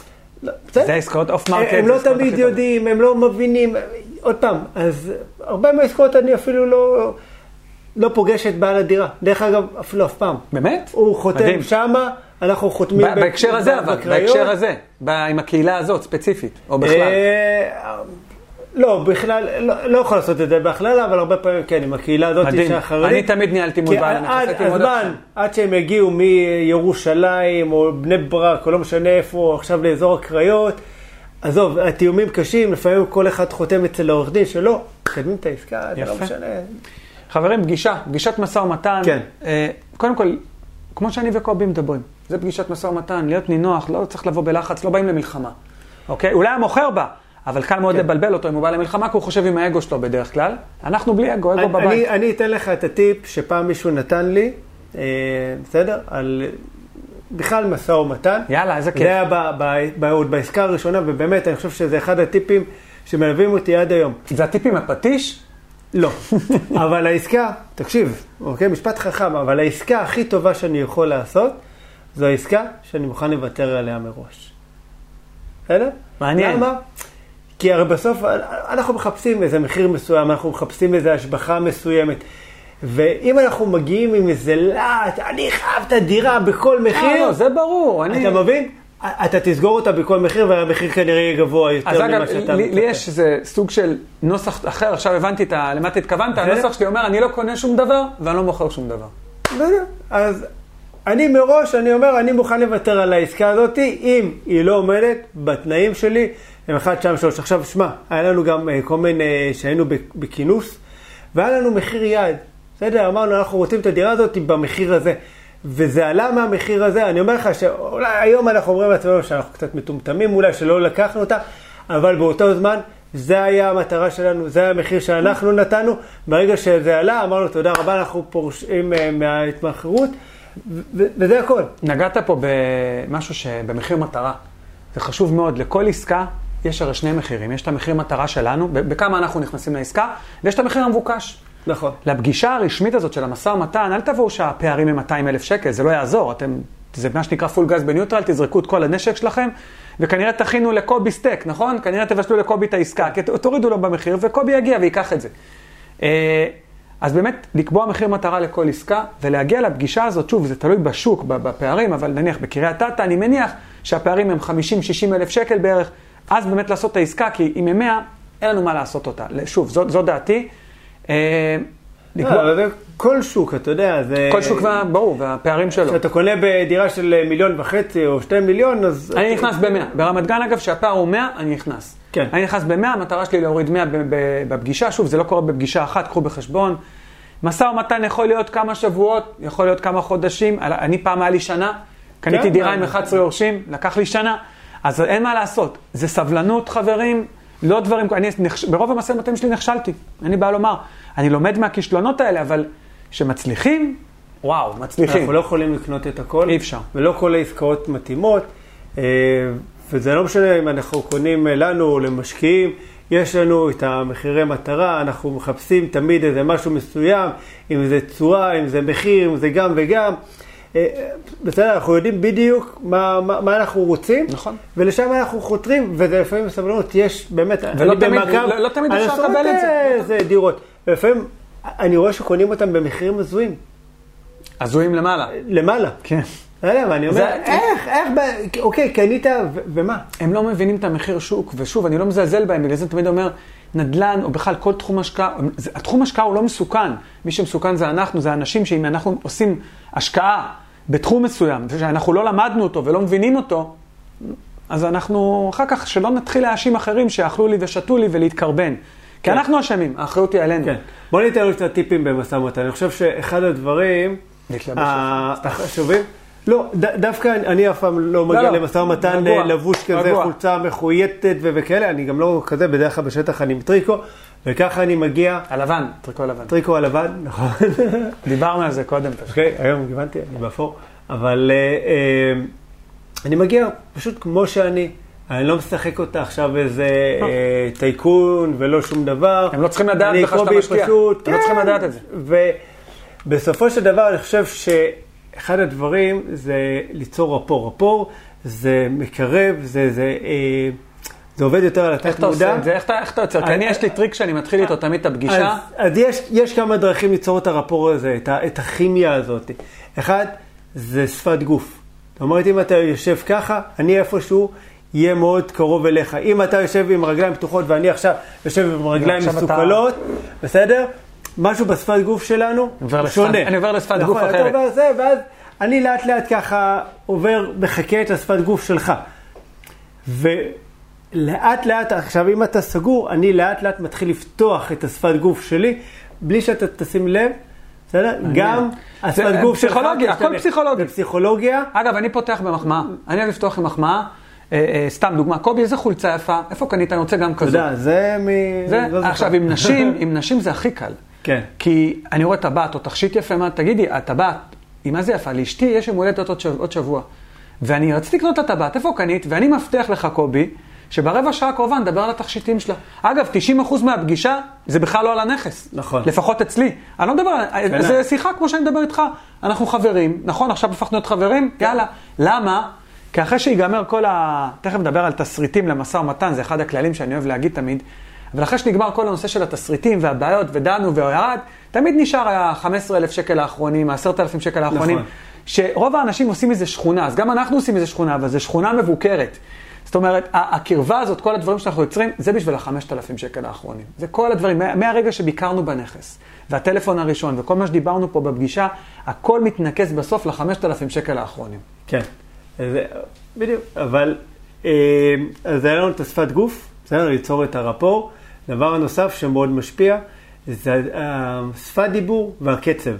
נכון. אה, יש לנו שאצלי זה אוסטרליה. לכ- לכל אחד בדיוק יש זה, שים, שים לב שגם עכשיו, אה, הרבה פעמים בריאיון, די הדבקתי את השפת דיבור שלך, בסדר? כן, ו- קובי- קובי הוא מאוד וקצת- רגוע, מאוד רגוע, הוא בן וקצת אדם רגוע. הורדתי אותך גם כן, לא יודע אם שמת לב, אבל אחר כך תצפה בהקלטה. הצליח לו. בסדר? אבל אותו דבר במסע ומתן, אתה הרבה פעמים, יש איזה צד אחד שהוא אה, מתלהם, מתחיל לצעוק ו- והכל, בסדר? ואנחנו קוראים לזה ב-NLP הצטרפות והובלה. אם הוא מתלהם, אני גם כן נדלק, מדליק מנועים, מרים את הטון, אוקיי? אני אוהב שמתלהבים. וככה משווה, אבל אז, בסדר? הצטרפתי, ואז אני מוביל, ולאט לאט אני פתאום מוריד את הטון. מוביל, אמרת את מילת המפתח? להוביל. תמיד להוביל. ואם אתם מובלים, וקרה לי המון פעמים שהרגשתי שלא משנה מה אני עושה, אני לא מצליח להיות מובל, אפשר לקום וללכת, הכל בסדר, בנימוס. תודה רבה. תשמע, הפערים בינינו קצת אה, אה, גבוהים עדיין. יש לך את הטלפון שלי, אם קורה כן. משהו במחיר, תקשר, נסגור בעשר שניות, אבל אין לכם מה להישאר שם, כי לא יקרה כלום. אם אתם נכון. לא מובילים את השיחה, לא יקרה כלום, ואפרופו להוביל, אני יש לי טיפ מאוד טוב, תכתבו תסריט למשא ומתן. תיקחו את כן. כל הבעיות, תסריט שמורכב מעובדות. עובדות זה בעיות, יש המון המון בעיות בנכס, יש יכול להיות בעיות ברחוב, יכול להיות בעיות בבניין, יכול להיות בעיות בעיר, יכול להיות בעיות בשכונה, יכול להיות בעיות בדירה, בעיות אצל המוכר, בעיות סמויות, בעיות גלויות. תכתבו את הבעיות כעובדות, תציגו עובדות. שבן אדם רוצה למכור דירה והוא לחוץ, קל מאוד לבלבל אותו, וכשאתה מציג לו נכון. עובדות, אתה יוצא אמין. וברגע שאתה יוצא אמין, אתה תוביל את השיחה. כן. ואתה פשוט תיתן לו לדבר. אתה מציג לו בעיה, ואתה אומר, תגיד, מה אתה מציע? אתה לא אומר לו, בוא תוריד לי, בוא לקראתי. לא. מה אתה מציע, קובי? וקו, ותנו לקובי לדבר. תקשיבו, תקשיבו. אה, אני, קרה לי הרבה פעמים שאנשים שאני מקשיב להם, הם מדברים, הם שואלים, הם עונים, הם משכנעים את עצמם. נכון. אני רק יושב שם. עכשיו, יהיה, בתסריט הזה יהיה מורכב באמת מש, משלוש, לפחות אצלי, יש מלחמות שאני, אין לי בעיה, אני אלחם אותן, אבל אני, אין לי בעיה להפסיד אותן. יש מלחמות שימות העולם, אני מנצח. אני תמיד אפתח עם הניצחונות, שהוא, עם הניצחונות שלו. זאת אומרת, אני אתן לו לנצח קצת, שוב, פסיכולוגיה, לתת לו להרגיש שהוא מוביל, אבל הוא לא באמת מוביל בכלום. ואז אני אבוא, וסליחה על המילה, אשחט אותו עם המלחמות שאני רוצה לנצח, ותמיד יש את הג'וקר, שזה בסוף בחוזה, להוריד עוד טיפה, אני תמיד אוהב לקרוא לזה המבנה המסוכן. מי שמכיר אותי כבר יודע, קרא פוסטים, לא נתחיל לפרט פה אה, יותר מדי, כי, כי כבר פירטתי את זה מספיק. אבל באמת לכתוב את התסריטים, לבוא מוכן, לבוא מוכן לפגישה הזאת, כי מי שאומר, אה, אני כבר אלך, אני אשים קובי משא ומתן, יהיה בסדר. לא, קובי יקרא לך את הצורה. כאילו, לא יהיה בסדר. אתה חייב לבוא עם עובדות, ואם אין, אין בעיות, אגב, אני גם, אם אין בעיות, אני לא יכול להוריד במחיר. נכון. מה לעשות? גם אני. עם דירות שנראות פיקס, מחיר שוק, אין בעיות, אני לא יוריד במחיר. זאת אומרת, אין פה, אין פה עניין. אין כן. פה אני יותר טוב, אתה יותר טוב. לפעמים, לפעמים גם הבעיה יכולה להיות שטותית, השאלה איך אתה מציג אותה. בסדר? ברור. אני קנינו דירה, אמרתי לך, סיפרתי לך מקודם, דירה משופצת באמת, מעל הסטנדרט אפילו שאנחנו היינו משפצים, לא היה דלת בחדר אחד. אומרת? אה, בחדר. כן. חשבתי בכניסה, לא הבנתי. לא, לא, לא הייתה דלת אה, בחדר אחד. אחלה בעיה. בואנה, תוריד איזה טרגדיה. 40 אלף שקל. טרגדיה, כן. אני אצחק. עכשיו, הבעיה שלה, שהיה שם סוחר שלא היה מוכן שיעשו שום דבר. אני אמרתי, אני לא יכול לקנות את הדירה ככה בלי דלת. גם דלת עולה מלא, נכון? דלת? וואו. עשרת אלפים שקל, לא? במינימום, לא כולל ההתקנה והובלה. אגב, אני פעם הורדתי עשרת אלפים שקל על, אה, על ריח של גז. כשהגעתי, הרי לא יודע אם כולם יודעים, בלוני גז צריכים לעמוד כזה ב-90 מעלות עם איזה כן. אטימה, מתחת לאיזה קורת בטון, זה החוק. וסגורים באיזה רשת ברזל או משהו כזה. כן. ו... זה החוק. זה החוק. עכשיו, כן. הגעתי לדירת קרקע, הבלוני גז זה היה נראה כאילו מישהו עשה להם סטרייק בבאולינג. והיה ריח חריף של גז, והריח היה בתוך הדירה, והיה נורא, אף אחד לא נכנס בגלל זה, זאת אומרת, היה פה מוכר לחוץ. ואני הורדתי עשרת אלפים שקל על הסיפור הזה, כי בסך הכל אמרתי, תשמע, אני צריך פה לסדר את זה, ומה אתה מציע? עוד פעם, לא זרקתי לו, בוא תוריד לי, בוא לקראתי. הוא היה כל כך לחוץ, אז ירד באמת עשר, שאגב, התיקון עלה לי אפס. כי אתה פותח כן. קריאה, וזה מסוכן, דליפת גז, נכון? אז מגיעה חברת גז נכון. ומתקנת. עכשיו, זה נקרא ידע שווה כוח. כן. תדעו את הדברים, אתם צריכים בכל בעיה, אתם רושמים את הבעיות, אתם יודעים כמה זמן ייקח לכם לפתור, אתם יודעים מה העלות האמיתית. אבל את המוכר, ברגע שהצגתם לו עובדה ואתם מאמינים, קל לכם לשחק איתו, ולשחק זה פה, כן. זה בעיקר פה. ו- וככה ככה זה עובד, זאת אומרת, כששואלים אותי, גיל, איך אתה עושה? לא יכול להיות, איך אתה קונה דירה 200 אלף שקל בשוק שלי ברמת גן, 200 אלף שקל מתחת למחיר שוק. אם לוקחים ביחס לקובי, זה בערך 50 אלף שקל מתחת למחיר שוק. איך אתה עושה את זה? זה לא יכול להיות. אז זה לא שאני מוצא את הדירות, זה נקרא לייצר. אני מייצר את ההזדמנות הזאת, וזה בדיוק מה שאני גם מלמד. אי אפשר למצוא דירות. אני לא מאמין, אני גם לא מצאתי דירות. כי אם הלוואי והם היה, מי הייתי יכול למצוא דירות, יאללה, בוא, אני אשב פה והדירות ייפלו עליי, נכון? איזה כיף. זה לא עובד ככה.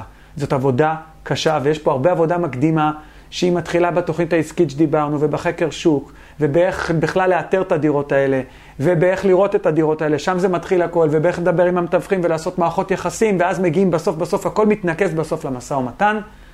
ואם יש לך עוד טיפים בכיף, אם לא אפשר כן. ככה להתקדם קצת לדעתי. אה, כן, עוד פעם, נגעת גם אה, בעניין הזה שאנחנו מייצרים את הדירות, זה כמו שגם דיברנו בהתחלה, זה לקחת אה, דירה מסוימת ולהשביח אותה, אם זה מבחינת השיפוץ אולי, או מבחינת אה, לשנות לה את החלוקה הפנימית, משתי חדרים, שלושה חדרים, שלושה חדרים לארבעה חדרים, או לא משנה מה.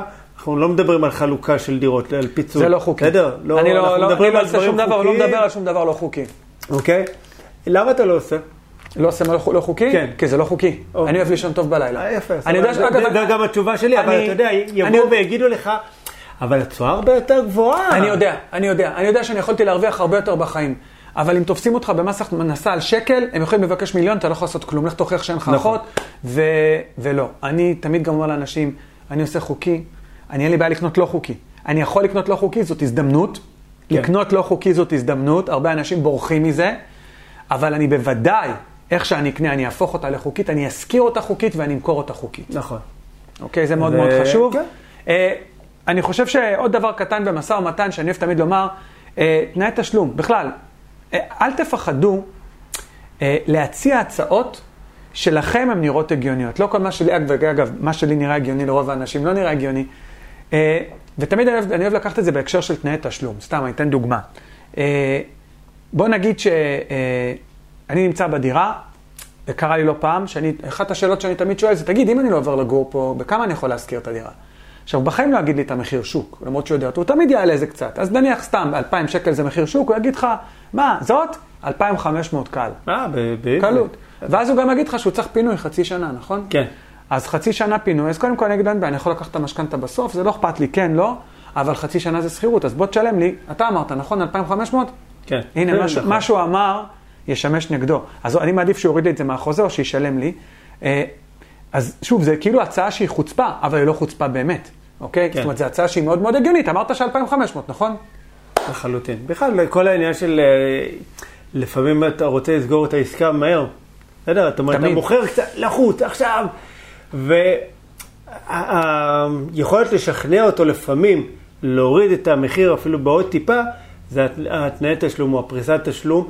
אה, הרי בדרך כלל מקובל לשים איזה 10 אחוז, אוקיי, במועד אה, חתימת החוזה.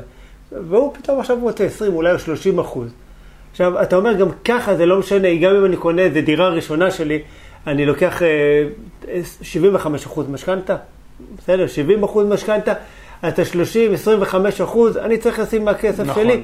אז מה זה משנה אם שמתי את הכל במועד חתימת החוזה, או שמתי 10% עכשיו ועוד 10% בעוד שבוע. נכון. הרי בחייאת דינק, אנחנו לא נשתמש בכסף הזה. ברור. ברור בסדר? לגמרי. אבל לפעמים, תן לו לנצח את המלחמה הזאת. זה מה שיאפשר לו, בסדר? להוריד לך עוד איזה נכון. 10, אולי 20 אפילו, בסדר? במשא. ומתן. אני, כל מה שמאפשר, אגב, גם אלף שקל. אנשים אומרים, בואו בוא, בוא נוריד 50, תורידו אלף, תתחילו מהאלף הראשונים, יורד אלף, זה ייתן לכם הרגשת ביטחון, הרגשה טובה. הכל פה בסופו של דבר זה באמת קטע, אה, קטע פסיכולוגי, אין מה לעשות. אה, יש לי עוד איזה טריק קטן שאני אוהב תמיד לומר, אני תמיד אה, משחק עם השוטר הטוב והשוטר הרע עם אשתי. אה, אתה עושה את זה עם הדר לפעמים? ברור, מה זה? קובי, עקרונית סגרנו, עקרונית כן. סגרנו, תן לי רק לדבר עם אשתי. תכלס. עכשיו, את העסקה עם הדלת, אתה יודע, אמרתי לה, תקשיבי, אשתי לא מוכנה לקנות את הדירה בלי דלת. יפה. אבל היא אומרת לי, אבל זה רק דלת. אמרתי לה, תקשיבי, אולי זה רק דלת, אבל אשתי לא מוכנה. נכון. היא, היא- משגעת אותי. ואז אתה משגע אותי. איך, איך, מה, מה אני רב איתה, אני? רב איתה כבר. היא כועסת עליי שאני רוצה לקנות את הדירה, והיא... אני גם תמיד, יש לי אה, משפט שאני אוהב לפתוח אותו, משא ומתן, תשמע, אה, ראיתי, אני מרים לך עכשיו, מרים למוכר. ראיתי עוד דירות, אגב, אגב, יותר זולות משלך, לא יודע למה, אשתי נדלקה על הדירה שלך. כן. אז קודם כל אני אומר, אשתי נדלקה, ואז אני אומר לו, עקרונית סגרנו, תן לי עם אשתי, ואז אני אומר לו, תקשיב, אשתי לא מוכנה לזה, אני גמרתי אותו באותו רגע. ואני יודע, זה נשמע לכם הזוי, אבל זה עובד. הדברים האלה עובדים, שוב, תלוי בטיימינג, לא, אל תתחילו עם זה. אבל כן. שוב, בגלל זה עושים תסריט ומסדרים את הדברים בדיוק מתי תגיד מה. זה ממש תסריט, זה זה כמו... גם לפעמים יכול להיות הרבה שיחות, זה לא נגמר, כן, עסקה לא נגמרת דיברנו. בשיחה 2-3. יאללה, סגרנו משא ומתן, אנחנו כאילו, יש מחיר. אני כן. רכשתי מקובי את הדירה, מה עכשיו? מימון. נכון? צריך, אה, לזהו. זה כבר שוחט אותי. כן, שחטתי, אה, רק את קובי לא אני אשחט. מקובי אני לא אקנה דירות, בוא מה נגיד זה ככה. חברים? אה, אוקיי. אז אה, הרבה פעמים אני שמתי לב, אנשים עושים עסקה אה, טובה, באמת כן. טובה, והם נופלים במימון. זאת אומרת, Mm. הם לוקחים מימון לא נכון לעסקה, ושוב, אנחנו לא נדבר עכשיו על כל מקורות הכסף הזול במדינת ישראל, ניתן ככה טעימות, אבל אנשים צריכים להבחין, ועוד פעם, אני חוזר עכשיו לתחילת הפגישה הזאת, תוכנית עסקית. תוכנית עסקית, אתם יודעים בדיוק איזה סוג עסקה אתם עושים. סוג עסקה יקבע את, כמובן סוג המשא ומתן, אבל גם בעיקר יקבע את סוג המימון. זאת אומרת, אם אתם הולכים לעסקת אקזיט מהירה, קובי עכשיו קונה דירה ומוכר בעוד חודשיים, כן. אז המטרה שלי, לא אכפת לי מה, באיזה ריבית אני מקבל, אכפת לי כמה שיותר לקבל. נכון. אז אני אקח גם 100% מימון, אבל 100% מימון זה ריבית גבוהה בדרך כלל, מאוד, כי אני אקח את זה מכל מיני מקורות. הלוואות לא- מסחריות? לא שוק או- אפור, חס וחלילה, אבל כן חברות אשראי, הלוואות מסחריות כן. מבנקים, אני אקח הלוואה משלימה בנוסף למשכנתה. אז אה, אם אני אחליט פתאום להשאיר את הדירה, אוי ואבוי, זה תזרים שלילי. 100% מימון זה תמיד תזרים שלילי. בדיוק לך דיברנו על זה לך קצת יש לפני. בעיה עם תזרים שלילי? טיפה קטנה. טיפה? קטנה, אני לא אוהב להיות, אוקיי. אני אוהב להרוויח, לא יודע. חינכו אותי שבכסף עדיף להיות בצד החיובי. נכון. סתם, לא, כיתה א'. עברתי. זה- איך- מצד אחד זה נכון, מצד שני, אתה יודע, לפעמים לוקח לנו זמן עד שאנחנו חוסכים את הכסף. אגב, אין לי בעיה להיות בתזרים שלילי חודשיים ולמכור ב-100 אלף שקל יותר, זה כן. סבבה, אתה מדבר על עסקאות אקזיט. אבל יש איזה מצב שאתה יודע, שאתה אומר, אוקיי, בסדר, אני צריך עכשיו לחסוך 100 אלף שקל. אני יכול לשים, אה, לא יודע מה, 2,000 שקל בחודש. אני מראש יודע שעכשיו ייקח לי כמה, 50 חודשים, כמה זמן זה בשנים, אל תתפוס אותי במתמטיקה. לא משנה, נניח. סתם, לא יודע, ארבע שנים. אוקיי. אוקיי? ארבע שנים, מה קורה ללקוח של הכסף שלך, של ה-100 אלף שקל שתחסוך, בעוד ארבע שנים? הרי מחירי הדירות יעלו, אתה כבר, הכוח קנייה שלך ב-100 אלף שקל הוא כבר יהיה... כבר היום הוא אפסי. בדיוק, הוא אפסי, אתה כבר תצטרך בעוד ארבע שנים כבר לא 100 אלף שקל, 150 אלף שקל. ואני אומר, יש מצבים ששווה לעשות חיסכון הפוך. זאת אומרת, לקנות את הדירה, אני יודע שיש לי עכשיו בדיוק. תזרים שלילי של 500 שקל, 1,000 שקל, בסדר? אבל בעצם קניתי את הדירה, הצמדתי אותה לאחד לשוק הצמדת אותה למדד, כן. בסדר? ואני יודע שבמקום לחסוך ואז לקנות, אני קודם כל קונה ואז חוסך. אבל זה מאוד אה, אה, חשוב לבדוק את ההכנסה הפנויה, שבאמת אפשר לעמוד בהחזרים האלה, ברור, ברור. ואז זה באמת כדאי. בסדר? לא בכל זה מחיר, לקנות זאת אומרת, נדל"ן לא ולחכות, לרוץ כן. אה, כצ- כצאן לטבח, ויאללה, העיקר קניתי, ובעצם אין לי יכולת החזר ואני מסתבך כלכלית. אתה יודע שכולם עכשיו יראו את זה והם יושבים ואומרים, נו, נו, אבל מאיפה אני מביא את הכסף? זאת אומרת, אוקיי, לקחתי 75% מימון או 50% או 70%, אם זה דירה שנייה אפשר גם 70%, לא נדבר על כל הטריקים. אה, מאיפה אני משיג את שאר הדברים? אז תראו, חברים, יש כל מיני אה, אה, מקורות מימון. קודם כל, אם יש לכם עוד דירה, אפשר אה, לחלץ הון כלוא מהדירה הזאת, בהנחה והיא לא ממונפת עד הסוף. נכון. אה, זה יכול להיות כהלוואה לכל מטרה, זה יכול להיות כהלוואה לצורכי דיור, אפשר לעבוד עם מימון ישיר, אפשר לעבוד עם כלל, יש המון המון כן, אה, מימון ישיר אפשרויות. כרגע הקפיאו. מימון ישיר כרגע הקפיאו, שוב קורונה, דצמבר כן. 2020, צריך לציין. מחכים לשוב. מחכים לזה. אפשר לעבוד, אפשר לגייס את זה גם בכלל, מכלל, עוד פעם, אני אגיד מימון ישיר, אבל מהמוסדיים אפשר לגייס כסף, אפשר לגייס כסף ממימון חוץ-בנקאי, מקורות מימון, כמו בעיקרון חברות כרטיסי אשראי, כן, בואו, לא שוק אפור, למרות שהריבית זה שוק אפור, הריבית כן. זה שוק אפור חופשי, פריים פלוס 7, פריים פלוס 8, חוק חגיגה. אפשר לגייס את זה אה, כמובן מחברות כמו טריה, כמו אילון, נכון, כמו אה, בלנדר, מה שנקרא הלוואות חברתיות. בנקים מסחריים, קובי ציין, אה, הלוואות גם כן מאוד מהירות, גם ריביות, בכ- בכולם אגב ריביות גבוהות. ומה שקובי עושה כמובן, עבודה עם משקיעים, ליווי משקיעים, אני גם עובד הרבה עם משקיעים, ליווי משקיעים אני לא עושה. אה, עבודה עם משקיעים, להיכנס איתו שותף, בעצם לקחת את הכסף הטיפש שלו, להשתמש פשוט בכסף של אחרים. אה, פה זה גם, זה גם הכסף הכי זול, כי לא משלמים עליו ריבית. כן. תראה, אני, אני חושב שעוד פעם, אה, לא, בזה אתה מבין יותר ממני, אז בוא תן ככה. אחד אני לא קורא לזה כסף טיפש, כי זה, זה בכלל, בכלל לא... כעסו עליי שפעם כתבתי את זה. לא משנה. זה מונח משוק ההון. תראה, כל אחד אה, צריך להכיר את היתרונות ואת החסרונות שלו, את המעלות, ואת את הדברים שהוא יותר טוב בהם ופחות טוב בהם, את מה שהוא באמת אה, זמין או לא זמין. לא כולם יש להם את הזמן, גיל, לעשות חקר שוק. לא כולם יש להם את הזמן לבלות כל שבוע. אני כבר ש... כמה שנים... מה זה לא כולם? 95% מהאנשים כמה אין להם זמן. שנים לא היה שבוע שלפחות, במינימום, פעם אחת הייתי בשטח. ואני יודע את זה? כי אנחנו מדברים. ו- וזה לא משנה, אתה יודע, גם אם יורד גשם, סופות, ברד, לא אכפת לי שיטפונות בדרך. זה הכי כיף, כי אף אחד לא הולך. נכון, וגם אם יש שרב כבד, לא מעניין אותי. יש לי את הימים, אצלי יום שני זה יום שטח, רץ בנמו, לא יעזור, אני שמה. בסדר? אני נמצא. פעם הבאה אמרתי לך, עכו, חומוס, יאללה, פלאפל. ערפל.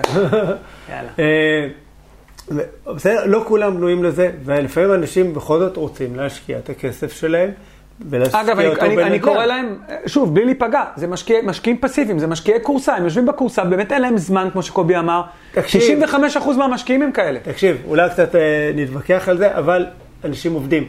עכשיו, ברור. אם יש לי בן אדם שהוא הייטקיסט, או שהוא עובד במשרד הביטחון, והוא מרוויח אחלה משכורת, אבל אין לו את הזמן, ווואלה, דוגרי, גם לא בא לו נכון. עכשיו לכתת רגליים וללכת להתחיל לדפוק על דלתות ולעשות את כל הדברים הקרימינליים שאני ואתה עושים, אבל הוא אומר, וואלה, אני סומך על קובי, שימצא לי עסקה טובה וילווה אותי, ובסופו של דבר אני יודע שאני מקבל נכס מושכר, 12 צ'קים, אצלי ביד, אני מבסוט, כולנו הם מחפשים. גם תשואה בדרך כלל. לא, מחפשים תשואה, עושים עסקה טובה. אגב, הם לא ברור. מחפשים אקזיטים, מחפשים קובי, עוד פעם, צריכים להבין, הם מחפשים עסקה, הם קוראים לזה דירה להשקעה, lifetime, לילדים וכאלה, הם לא. מחפשים עכשיו את הכל, אין להם את הזמן דרך אגב, להתעסק עם זה. גם אני, בסדר? את הדירות שלי, כמה כן, שאני... אנחנו אני- גם אספני דירות. אני אוסף פעם, אתה יודע, פעם הייתי אוסף אה, כזה בובות של... אה, אני אספתי מטבעות לא ובולים מה. ותולעי משי.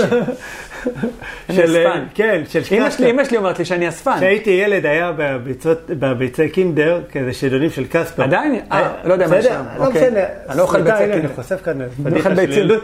היה את כל האוסף. מעניין כמה ביצים. ילדות טובה הייתה. לקובי. מה- משהו, להיט. בסדר, אבל היום אה, זה פחות הקטע שלי. בולים, אני גם לא תחביב שאני פחות למרות מתחבר שלדעתי יש אליו. בולים שווים הרבה כסף. אוקיי? אז אנחנו- אני אוסף דירות. בסדר? עכשיו האסטרטגיה. שלי, התוכנית עסקית שלי, ואתה גם מכיר אותה, בסדר? היא ליצור לעצמי הכנסה פסיבית או חופש כלכלי, לא אכפת לי איך שתקראו, אני תכלס דואג לפנסיה שלי. והפנסיה שלי זה לא בגיל 67, אם בכלל זה יהיה גיל 67, זה בדיוק. אני אומר, אני גיל 55, אני רוצה לצאת לפנסיה. נכון. אתה צודק. זה הכל. אתה צודק. כשאני עוד צעיר ורענן, בסדר? שמע, יש... ואני רוצה אה, לנסוע ולטייל בעולם ולדעת שאני יכול, מה שנקרא, לסגור את הכל עכשיו וללכת חודש להודו, לשבת שם באשרם. אני תמיד אומר, הייתי פותח הרצאות שלי עכשיו ככה. הדר אומרת, איזה הודו? אני רוצה... הודו, אתה הדר רוצה ניו יורק. אה, קודם שיהיה טיסות בכלל, אבל אה, אני תמיד אומר, יש- יש אה, שני דרכים. כל אחד בוחר בדרך שלו. הדרך שהרוב הולכים, זה באמת אה, באים ואומרים לך, תשמע, אתה עכשיו החיים שלך דבש, תעבוד, תלמד, תעבוד 50-60 שנה, תפרוש ויש פנסיה ואתם הולכים ככה יד ביד ברחובות ובגינות. כן. ואז אתה עובד 50 שנה, אוכל, סליחה על הביטוי, הרבה חרא, מגיע לפנסיה ומצפה לירוק ולזה, ולא, ממש לא, זה לא דומה לכלום, אין ורוד, אין ירוק, אין כלום, הכל שחור ומגעיל, ו... אתה מגלה שזה... ואתה מגלה שעבדו, לך על... לתרופות. שעבדו עלינו, עבדו עליך. ויש את הדרך השנייה, אני תמיד מציע אותה, ואני, מה, מה, מה אני אומר בדרך קובי? אני אומר, קח את כל החמישים שנה, קח גם את החרא בפנסיה, את הכל. דחוף את זה לתוך שבע שנים, אבל מזוקק, פה לתוך הווריד, מזוקק, תאכל אותו עכשיו בשבע שנים, אבל בעוד שבע שנים אתה מתחיל לראות ורוד, ובעוד עשר, חמש עשרה שנה, הכל ורוד. כן. כולם אומרים לי, אני שואל, מה אתה בוחר? כולם אומרים לי, את הדרך השנייה. כמה באמת הולכים בדרך הזאת? מעטים מאוד. מעטים. הרוב רוצים, הם מתים ללכת שם, אבל הם לא הולכים. וזאת הבעיה העיקרית של האנשים. חברים, תתעוררו. כי המחיר, המחיר. המחיר, כמה מחיר אתם מוכנים לשלם, כמה הקרבה אתם מוכנים לתת. אני וקובי הקרבנו, כל אחד והסיפור שלו, אה, הקרבנו הרבה, כל אחד... אתה יודע מה, זה לפעמים בדברים הקטנים, נקרא לזה בתחרות אה, בין החבר'ה, שאחד אה, קונה, מ- כולנו מתחילים מאיזה אה, פרייבט לי קטן. תמיד הייתה את המשכורת הכי נמוכה. בסדר? אוקיי, פרייבט קטן, ואז אה, ההוא קונה ג'יפ, ואז ההוא קונה ג'יפ יותר גדול ויותר גדול, ואז זה מדירת ארבעה חדרים עובר לדירת חמישה חדרים, מחמישה ההוא עובר לשישה, ואז הוא עובר לדירת גן, וההוא אומר, ואתה עדיין גן." בארבעה- אני עדיין בארבעה חדרים גם פתח אני תקווה. עדיין ארבעה חדרים, תאמין לי, אוקיי, וטוב לנו, האמת זה סבבה לנו, לא? לא מחפשים. לא יהיה לי יותר סבבה בתחושה אם אני אקנה עכשיו פנטהאוס ב-17 מיליון שקל ברחוב הירקון מול הים. לא יהיה לי, אני מודה, לא ארגיש יותר סבבה, אני לא ארגיש טוב יותר עם עצמי, אני בטח לא אהיה מאושר יותר. כן, ובסופו של דבר, אתה יודע, יש, אני, אני תמיד אומר, זה מה שהיום, בוא נסתכל קדימה, איפה נהיה בעוד עשר שנים, בעוד חמש עשרה שנה, אפילו עשרים שנה, שהם לא יהיה להם ברירה, הם יהיו חייבים להמשיך הם- לעבוד. ואיפה הם יעבדו? איפה הם יעבדו? בסופר, מנקים ב... עוד פעם, אני לא מזלזל חלילה, אבל בגיל 65, בן אדם, ואגב זה ככה בכל העולם, הוא לא אמור לעשות את העבודות הפיזיות האלה. הוא אמור לשבת בבית או לשבת במשרד ולעבוד, אבל לא את העבודות האלה של לנקות חדרי מדרגות, ולנקות. בנייני משרדים, ולעבוד כמאבטח, וקופאי בסופר, או בתחנות דלק. הם לא אמורים לעשות את זה, ועובדתית, אגב, אני משם שואב את המוטיבציה שלי, זאת אומרת, אני, כל פעם שאני קצת מרגיש שיורד לי, אני הולך לסופר, אני רואה מעבוד שם, אני לא אהיה כזה, אני לא רוצה להיות ככה, לא רוצה, ושוב, אני לא מזלזל בשום עבודה, חס וחלילה, אז- אבל אין להם ברירה לאנשים האלה. אין ברירה, שמע, אני המוטיבציה שלי, אני חושב כל פעם שאני הולך לבקר את ההורים שלי, אני מקבל בוסט של מוטיבציה. וואלה. כן. למה? למה? כי מה לעשות, אני לא מגיע ממשפחה שמבורכת בכסף.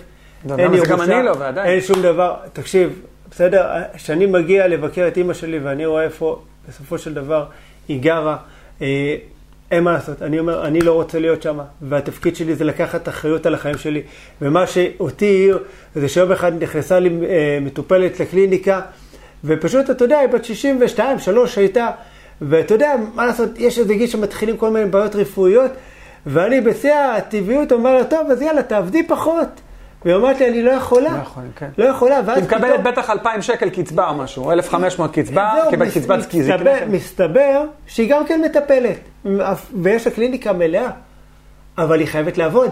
למה? כי אין לה שום פנסיה, אין לה שום ביטחון כלכלי אגב, אין בעיה לעבוד, אבל מבחירה. מבחירה. תבחרו לעבוד, תעשו מה שאתם רוצים, אני היום עושה מה שאני רוצה. אני כבר היום עושה מה שאני רוצה. אני לא סתם עושה את האיש עם הפטיש.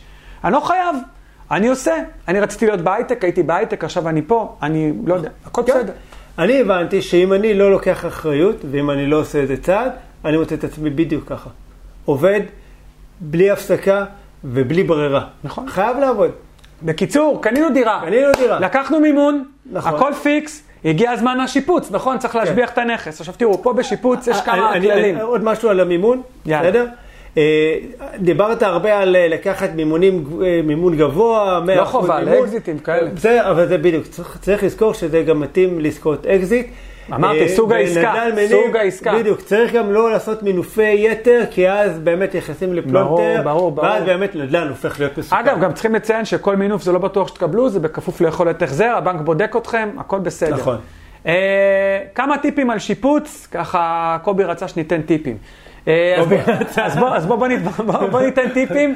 אה, קודם כל, חברים, אה, אני לפחות, כן. אני אישית, עכשיו אני, אני לא אוהב שיפוצים גדולים. אני משתדל לא לעשות אותם, אבל אם אני כן עושה אותם, אז קודם כל לקחת מעצבת פנים או מעצב פנים. אה, שיכתוב תוכניות, שיכתוב כתב, כתב כמויות, תמיד לעשות חוזה, תמיד, ותמיד לעבוד במה שנקרא עם קבלות וחשבוניות, לא בשחור. נכון. אנחנו רוצים אחריות על העבודה, אנחנו רוצים זיכוי במס שבח על העבודה, נכון. בחשבונית, ואנחנו רוצים פועלים חוקיים בבית שלנו. שלא יהיה משהו לא חוקי. כן. לא באנו להסתבך עם המשטרה, או עם החוק בכלל. אה, ברגע שיש מעצבת פנים שכותבת כתב כמויות, שכתב כמויות זה ממש כמה קיר, כמה מטראז' קיר נהרוס, כמה קרמיקה נקנה, כמה ברזים, כמה תקעים, הכל הכל בכמויות, אנחנו לא נטעה. לא יכול, זאת אומרת, השיפוצניק לא ייכנס אלינו לדירה במחיר דריסת רגל, אני קורא לזה, ומשם הוא יתחיל כל דבר, אה, זה לא היה, זה לא היה, זה לא היה, זה, וזה קורה על מלא. תשאל אנשים מה הם הכי מפחדים מהשיפוץ. מה יש כן. לפחד? תעשו כמו, כמו כל דבר שלמדנו היום. תיקחו את אותו מעצב פנימי, תיקחו את האיש מקצוע, כל היום זה מיקור חוץ, תיקחו את האיש מקצוע, אני מניח שקובי, שאתה קונה דירות לחבר'ה שלך, כן. אתה עוזר להם בשיפוץ, אתה נותן להם את האיש מקצוע, אנחנו עושים להם את כל השיפוט. יפה. הם יושבים איפה טוב מאוד, כי ככה צריך להיות, כי אם הם היו עושים את זה, זה עולה להם כנראה פי שלוש, כנראה. סיכוי סביר. החוזה הראשוני בטח היה כמו שאתה עושה, הם אומרים, רגע, מה, אני עושה כמוך, אין בעיה, בוא תיכנס לשיפוץ, ואז, אה, פה לא, פה לא היה כתוב, זה לא היה כתוב, זה לא היה כתוב, בום. במקום 20 זה אנחנו לא 40. מביאים, לא מביאים איזה מעצבת או איזה אדריכלית, אה, אבל אה, כל דירה אני יודע איך אפשר למקסם אותה. אצלך זה גם הריהוט. ואפילו לא חייב ריהוט. לפעמים זה איך לקחת ואיך לבדל אותה מהשוק. כי בסוף, תראה, אולי ברמת גן, אה, תל אביב, השוק הרבה יותר חם מבחינת שכירויות. כשאתה הולך. לפריפריה, החוקי משחק שונים. אתה, אתה לא משכיר את הדירה בשעה, יש יותר היצע לשכירות. צריך לקחת את זה בחשבון. עכשיו אתה חייב לבדל את עצמך מהשוק. אם הדירה שלך נראית כמו כל הדירות, אתה מתחרה עם כל הדירות. נכון, מסכים. אם הדירה שלך נראית שונה, בסדר, נראית יותר טוב, אתה נותן לה איזה אקסטרה מייל, הרבה יותר קל לך להשכיר את הדירה הזאת, גם אתה יכול לפעמים גם לדרוש טיפה יותר. למה? כי יכול להיות שהחלונות אקבל, כמה טובים. אני גם אקבל טיפה יותר. כן, יכול להיות שלא לא יודע מה, אולי ריאטת אותה, אולי קצת הצבת אותה. אתה צריך להבין מה השוק דורש. נכון. בסופו אז- של דבר. ואנחנו עובדים בצורה הכי פשוטה, יש לנו תוכנית עסקית לכל שיפוץ ברמת מה מעולה. שוברים, איך בונים, כמה הכל עולה. בסוף הכל אה, מאוד מאוד מאוד ברור. יש לי בעלי מקצוע, הם יודעים שעוד פעם, הם טיפה ישחקו איתי במחיר, בשירות, בעבודה. זכותם, זה הפרנסה הם. גם, הם יודעים, אין עבודה יותר. ביי ביי. אז אני אומר, בוא נפריד, יש שני, שני שיפוצים בעצם, יש את השיפוץ הגדול שדיברנו עליו בגדול, שזה מה שנקרא פירוק ו- והרכבה פירוק מחדש. כן. אנחנו רוצים סתם להוסיף עוד חדר, לחלק את הדירה בצורה מסוימת, חלוקה חוקית כמובן, לחלק אותה בצורה מסוימת, כדי על מנת בעצם למקסם שכירות וגם למקסם במכירה. השיפוץ השני, אני קורא לו שיפוץ רענון, אוקיי? מה, קוסמטיקה. מה זה בעצם אומר? לא צריכים תמיד לשים סתם 100 אלף שקל על שיפוץ. אפשר לפעמים ב-20 אלף שקל לקבל את אותם... 100 אלף אני בונה דירה 100 אלף שקל, בקריית אתא כן, זה... כן. בק- אבל אני אומר, לפעמים ב-20 אלף שקל אפשר לקבל לפחות בשכירות את אותה התוצאה. עכשיו, צריכים להבין אם הדירה הולכת למכירה או הולכת לשכירות. יש הבדל אקוטי, כי אם היא תלך לשכירות, אני ארצה להשתמש בחומרים טיפה יותר טובים, נכון. שיחזיקו טיפה יותר מעמד ולא כל שני וחמישי יקראו לי למיינטננס. ואם אני הולכת למכירה, אני לא אגיד פה את הביטוי שאני רוצה לומר, אבל מצידי שהבניין יישרף דקה אחרי שאני מוכר את הדירה, לא באמת אכפת לי. כן. אז אני רוצה שזה יהיה באמת אה, מה שנקרא יפה, זה סיפור שונה. אז סתם דוגמה לשיפוץ קוסמטיקה, עד 20 אלף שקל, צבע, שפכטלים, לצבוע משקופים, דלתות, נכון, צורגים אם יש, פרזול, לדאוג, ידיעות, כל מיני כאלה דברים. אה, מטבח, אגב, אפשר רק לשפץ דלתות או, או, או ידיעות. אם לא, תחליפו את המטבח, יש מטבחים כן. היום ב-4,000 שקל, נכון? 3,000 שקל. אפילו פחות, יש באמת. מד- מדהימים. הדירות שלנו, אנחנו סוגרים. באמת מדהימים, אם היה פה לקובי, הוא היה מראה גם תמונות, אני מניח שאתם יכולים כן. לראות. באמת מטבחים מדהימים, וזה נראה מיליון דולר. אה, מה, עם קלפות ועניינים? וילונות, אני קורא לזה וילונות איקאה. כן. שיס- שיסתירו את הג'יפה בחוץ, כי גם ברמת גן יש ג'יפה, מה לעשות? נכון. וזה נותן תחושה מאוד מאוד חמימה. ריצוף, שוב, זה זה, תלוי... זה גם אם לא להסתיר את הג'יפה בחוץ, לפעמים זה להסתיר את האלומיניום של החלונות, שהוא לא תמיד הכי נכון, חדש. או את העץ, ולפעמים. חלונות עץ, שאתה אומר עכשיו, רגע, אני רוצה לעשות רענון, עכשיו להחליף חלונות, לא, בעצם אל- סיפור זה למלא, לעשות מילואים, אני אל- עברתי את זה. אלומיניום זה עסק יקר. נכון, מאוד. אגב, בכלל חלונות תריסים זה עסק יקר. עסק יקר, עכשיו חלונות עץ לפעמים אפשר באמת לשפץ אותם, לפעמים, בסדר, אין הרבה מה לעשות, אבל וילון מסתיר, רוב הפעמים הבן אדם לא ממש יסיט את הווילון, הוא כזה מקסימום רק טיפה יציץ, ולא יתעמק יותר מדי. נכון. אגב, ריצוף, שוב, תלוי בסוג העסקה. להשכרה, אם אנחנו מדברים על משפחות, זוגות צעירים, סטודנטים, לפחות בשוק שלי, פרקט. אחלה פתרון. אנחנו לא משתמשים בפרקט. אתם, הכל בסדר, אפשר גם להדביק, נמוך. אפשר גם להדביק. אגב, עם פרקט, עם. פרקט יש אגב בעיה כן. במכירה. למה? כי הרבה פעמים אנשים מפחדים, הם לא מבינים, הם לא יודעים מה יש מתחת. הרבה פעמים כשעשית פרקט, הוצאת את הפאנלים ואין פתאום עודפים לעשות פאנלים. ובכלל, כשעושים פרקט, להרבה אנשים מודעים לזה, הם מגביהים, ואז צריכים לחתוך את הדלתות. נכון. זאת אומרת, מישהו שבא ולא רוצה את הפרקט, הוא צריך גם במקביל להחליף את כל, כנראה את כל הריצוף ואת כל הדלתות בבית, והוא נכנס פה להוצאה אבל למרות מטורפת. שברגע שהוא מפרק את הפרקט והוא עושה הדבקה, אז זה חוזר חזרה לאותו גובה של הפרקט. נכון, אז ריצוף, שוב, הדבקה זה קצת יותר אבל יקר. לא כולם מבינים את זה. פרקט זה קצת יותר זול, הדבקה זה קצת יותר יקר, כל אחד והשוק שלו, כן. וכמובן, מהות העסקה.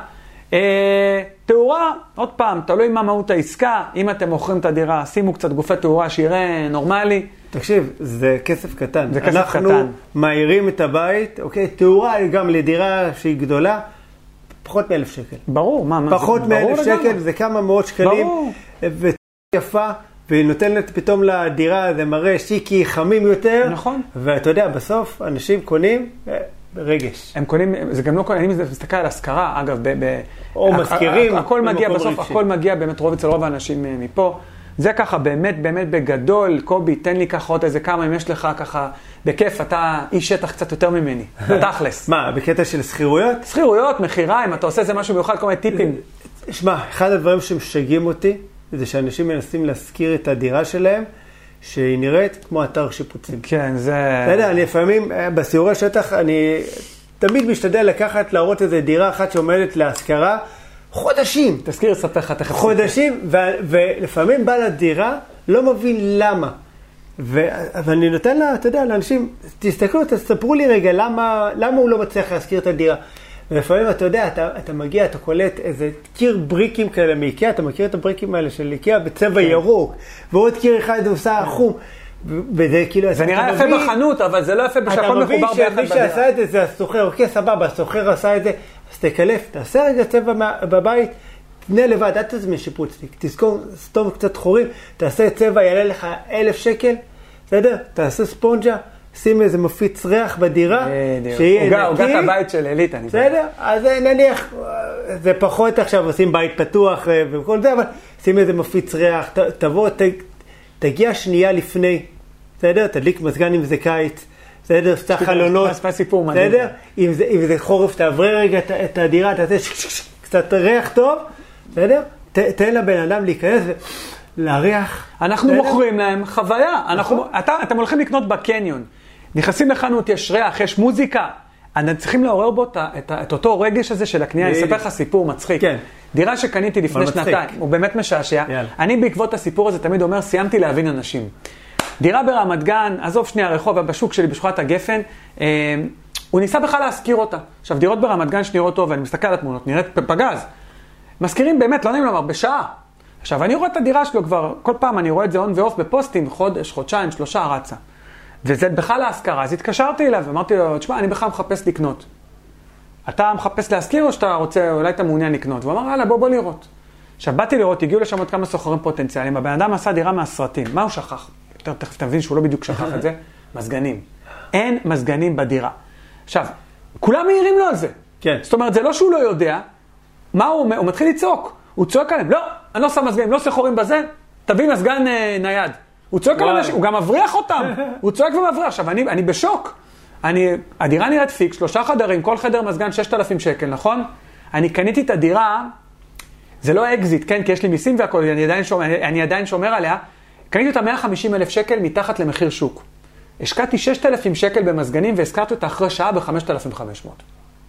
אני סיימתי להבין אנשים, אבל אלה הדברים הקטנים האלה, שאם תעקבו אחרי הדירות, אפרופו זה הכל, אז תראו איך הכל מתחבר בסוף. אנשים, אנחנו, אני וקובי, ומשקיעים כמונו, אנחנו לא מחפשים דירות. אנחנו מחפשים בעיות, אנחנו מחפשים איכס, אנחנו מחפשים אנשים שטעו. נכון. הם טעו כי הם לא למדו. לא שם מזגנים, עוד פעם, הוא כנראה, וכולם, אין לי מה לומר, כן? אבל דירה, אה, דיר, או כמו שקובי אמר, אנשים מנסים להשכיר דירות אה, שנראות כמו אתר בנייה. כן, הם או טעו. באמת דירות בלי מזגנים, כן, או הם כל מיני דברים הזויים. הם טעו. ולא, לא, ואני אומר את זה בנימה, הם, הם ישלמו. כי מה לעשות, אנחנו במשא ומתן, מבחינתי דירה זה ביזנס, גם קובי בטח חושב ככה. לחלוטין. ואני, עוד פעם, לא נחזור אחורנית למשא ומתן, כי אנחנו כבר ממש בסיום. לא לרחם. אנחנו לא רחמנים, זה ביזנס, אני מחר לא אראה את המוכר הזה, נכון? כן. אני, די. אז אם הוא עשה טעות, אני צריך לנצל את הטעות, כי אם לא אני, מישהו אחר ינצל אותה. אנשים הולכים לפעמים או לחנויות, או אתה יודע מה, בהודו, בטיולים, אתה, לא אתה. רואה את זה יפה. אתה כל הזמן מזכיר חו"ל, אנ- אני אנשים- חושב שאתה רוצה לנסוע לחו"ל. נראה לי כשמסתיים פה הסגרים, שמע, יש איזה געגוע קטן אה, לחו"ל, האמת שכן. אבל אה, בהודו אתה רואה אנשים מתווכחים לפעמים עם בן אדם על עשר רופי. אתה יודע כמה זה עשר רופי? אין לי מושג. שקל. שקל? שקל, מתווכחים שעתיים, מה- מה הודו? טלוויזיה, בן אדם קונה אומרים טלוויזיה, לו, עושה סקר שוק. לא, אני לא, זה לא 100 רופי, אני רוצה את זה ב-90 רופי. שעה, מתווכחים איתו, אתה יודע, אבל בסוף על דירה. שקל. הולכים לקנות, אתה יודע, דירה ב-500 אלף שקל, במיליון, במיליון וחצי. ההשקעה הכי גדולה בחיים שלהם. והם לא, לא, אני, אני לא קורא לזה להתווכח, אני קורא לזה בסוף לא. למקסם הם את לא. הפוטנציאל. הם לא בודקים, אני, כשחברים שלי אומרים לי, אני קניתי דירה, השערות שלי סומרות. כי אני יודע שעל כל כך הרבה דברים שיכולים להשתבש, שזה באמת, מי שקונה דירה בלי ללמוד את התחום הזה, או ללכת לקובי, זה לא משנה כרגע, אה, מבחינתי זה כמו להיכנס לקזינו ולשים על האדום או על השחור. כן.